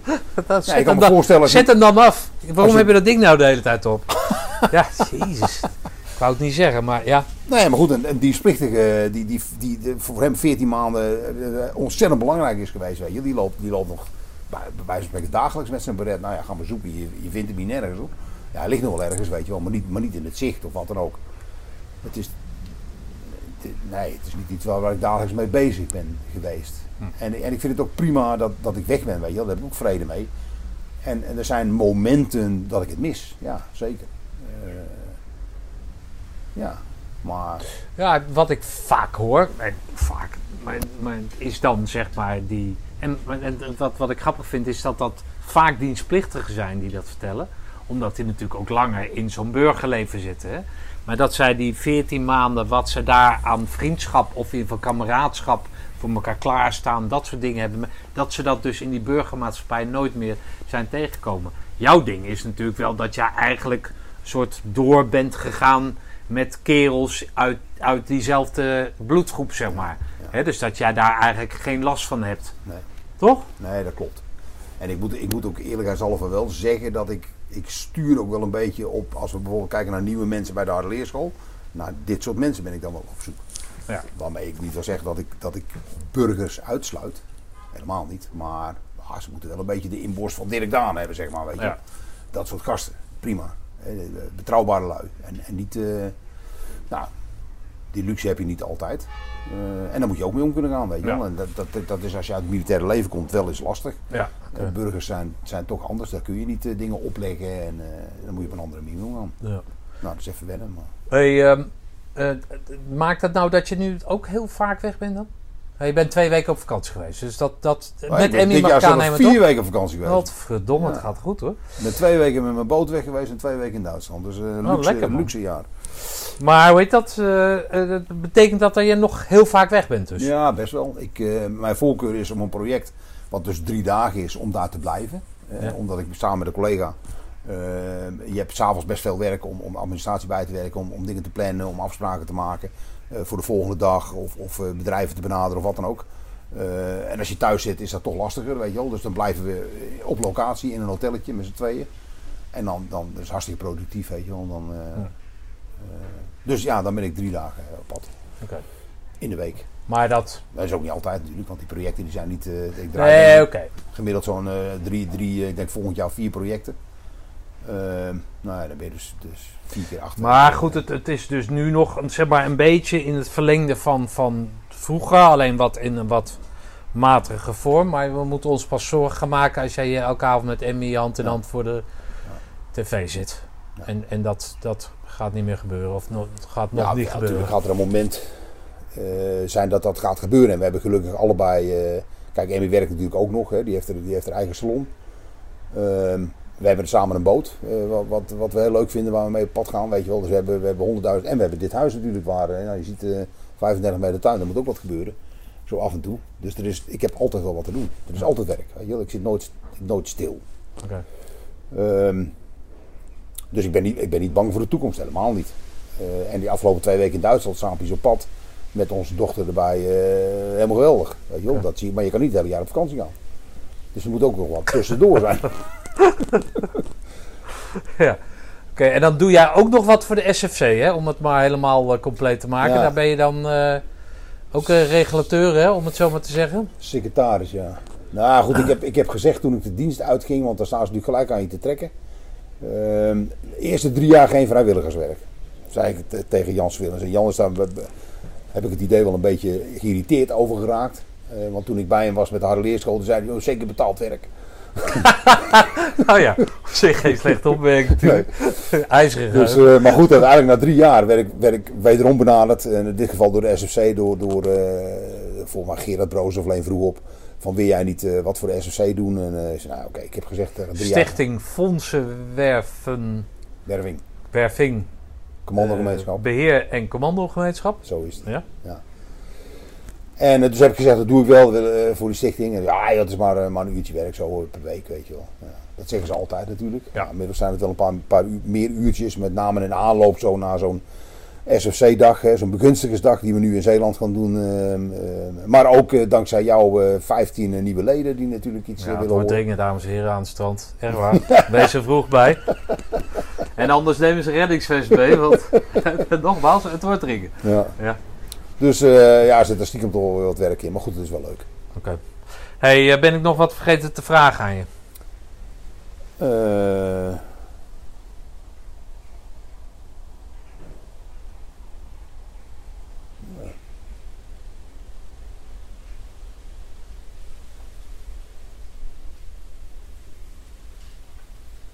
Nee, volgens mij niet. Maar het overal overal toch? Ja, lijkt mij ook. Ja. Prachtige carrière. Absoluut. Absoluut. Eh, Ja, ik zeg al, ik ben heel blij mee. eh, Een groot jongensboek. En, eh, nou ja, goed, als ik app aan de lijn heb die in Denemarken zit met zijn bootjes. ik, godverdomme. Dat is App van Bennekom? Jeetje. App, heb je niet iemand nodig, jongen? Want ik wil wel, weet je wel. Dan zou ik daar zo naartoe gaan. Omdat dat, ja, het is natuurlijk fantastisch, weet je wel. eh. Maar je hebt het hier toch fantastisch, of niet? nee. Huh? Nou, maar ik heb ook helemaal niks klaar. Nee. Helemaal niks klaar. Ik heb echt. eh, kijk, in elk leven gebeuren, gebeuren natuurlijk vervelende dingen. Ehm, maar ja, weet je wel, ik ben mijn vader veel te jong verloren. Dat was echt wel een dingetje. En mijn vader is eh, tien jaar lang dement geweest. En, en ja, daar heb ik niet veel aan gehad. Weet je, een man waar ik uiteindelijk achteraf steeds meer respect voor kreeg. Eh, dan hebben wij het over uitzenden. Maar die man heeft gewoon drie jaar in Indonesië gezeten. Nee, dat is ook niks, weet je wel. eh, ehm, nou ja. Eigenlijk binnen het gezin hebben we, niet, hebben we niks te klagen. Weet je. ik, heb, ik heb het zevende kleinkind op komst. Geweldig. Ja, zevende kleinkind, Ja. ja. Ja, Kijk, en, weet je, als die kinderen binnenkomen en je bent eens een keer zagrijnig of zo, dan ben je gelijk weer vrolijk. Ja. Dat, eh, als opa, ik, werd opa, toen zat ik nog bij het KST. En Jan Swillens op het appel, die riep tegen de hele korpsgemeenschap dat de kapitein Aartsen was opa geworden. Nou, iedereen, yo, applaus, weet je wel. Ik had echt zoiets van, opa, eh, eh, het, is wel, het is wel leuk, opa, maar die titel, Ja. nou, dat vind ik nou niet zo hoor. Weet je. ja. Dus, Want hoe oud is de oudste van, van je kleinkinderen? Die is negen. Jeetje joh. Ja. Oh, dan was je ook vroeg opa. Hoeveel oud ben je nou dan? Dan had ik mij moeten beginnen natuurlijk. Maar... 63. Jeetje joh. Ja, dus ik was 57 toen ik eruit ging. Ehm, en toen was ik al twee jaar opa, zou ik maar zeggen. Dus ik ben 55 en ik opa werd. Is dat jong? Kan- Nee joh, als je 62 bent en de oudste is 9. Zodat we voor je verborgen gehouden dan. 62? Nee, ik ben 63. Ja, toen was je 63. Nee, ik ben nu 63. Je bent nu 63, min Negen, 9, dus dat was is ik- 54. Dus 54. Ja, oké. Nou, dat is toch jong? Ja. Nou, Ron. Eh, ik ben blij dat ik eh, bij je langs ben geweest. Eh, we gaan, ja dames en heren, is nog de laatste kans om u aan te melden voordat hij de administratie gaat doen van de SFC. Dus wees erbij, wees erbij, wees erbij. Hey, bedankt man. Ja, Was gezellig. Ja, leuk. Dank. Ron, dank voor het mooie levensverhaal en de gastvrijheid. Ik wens jou en Emmy veel geluk met elkaar en met al jullie kroost van klein tot groot.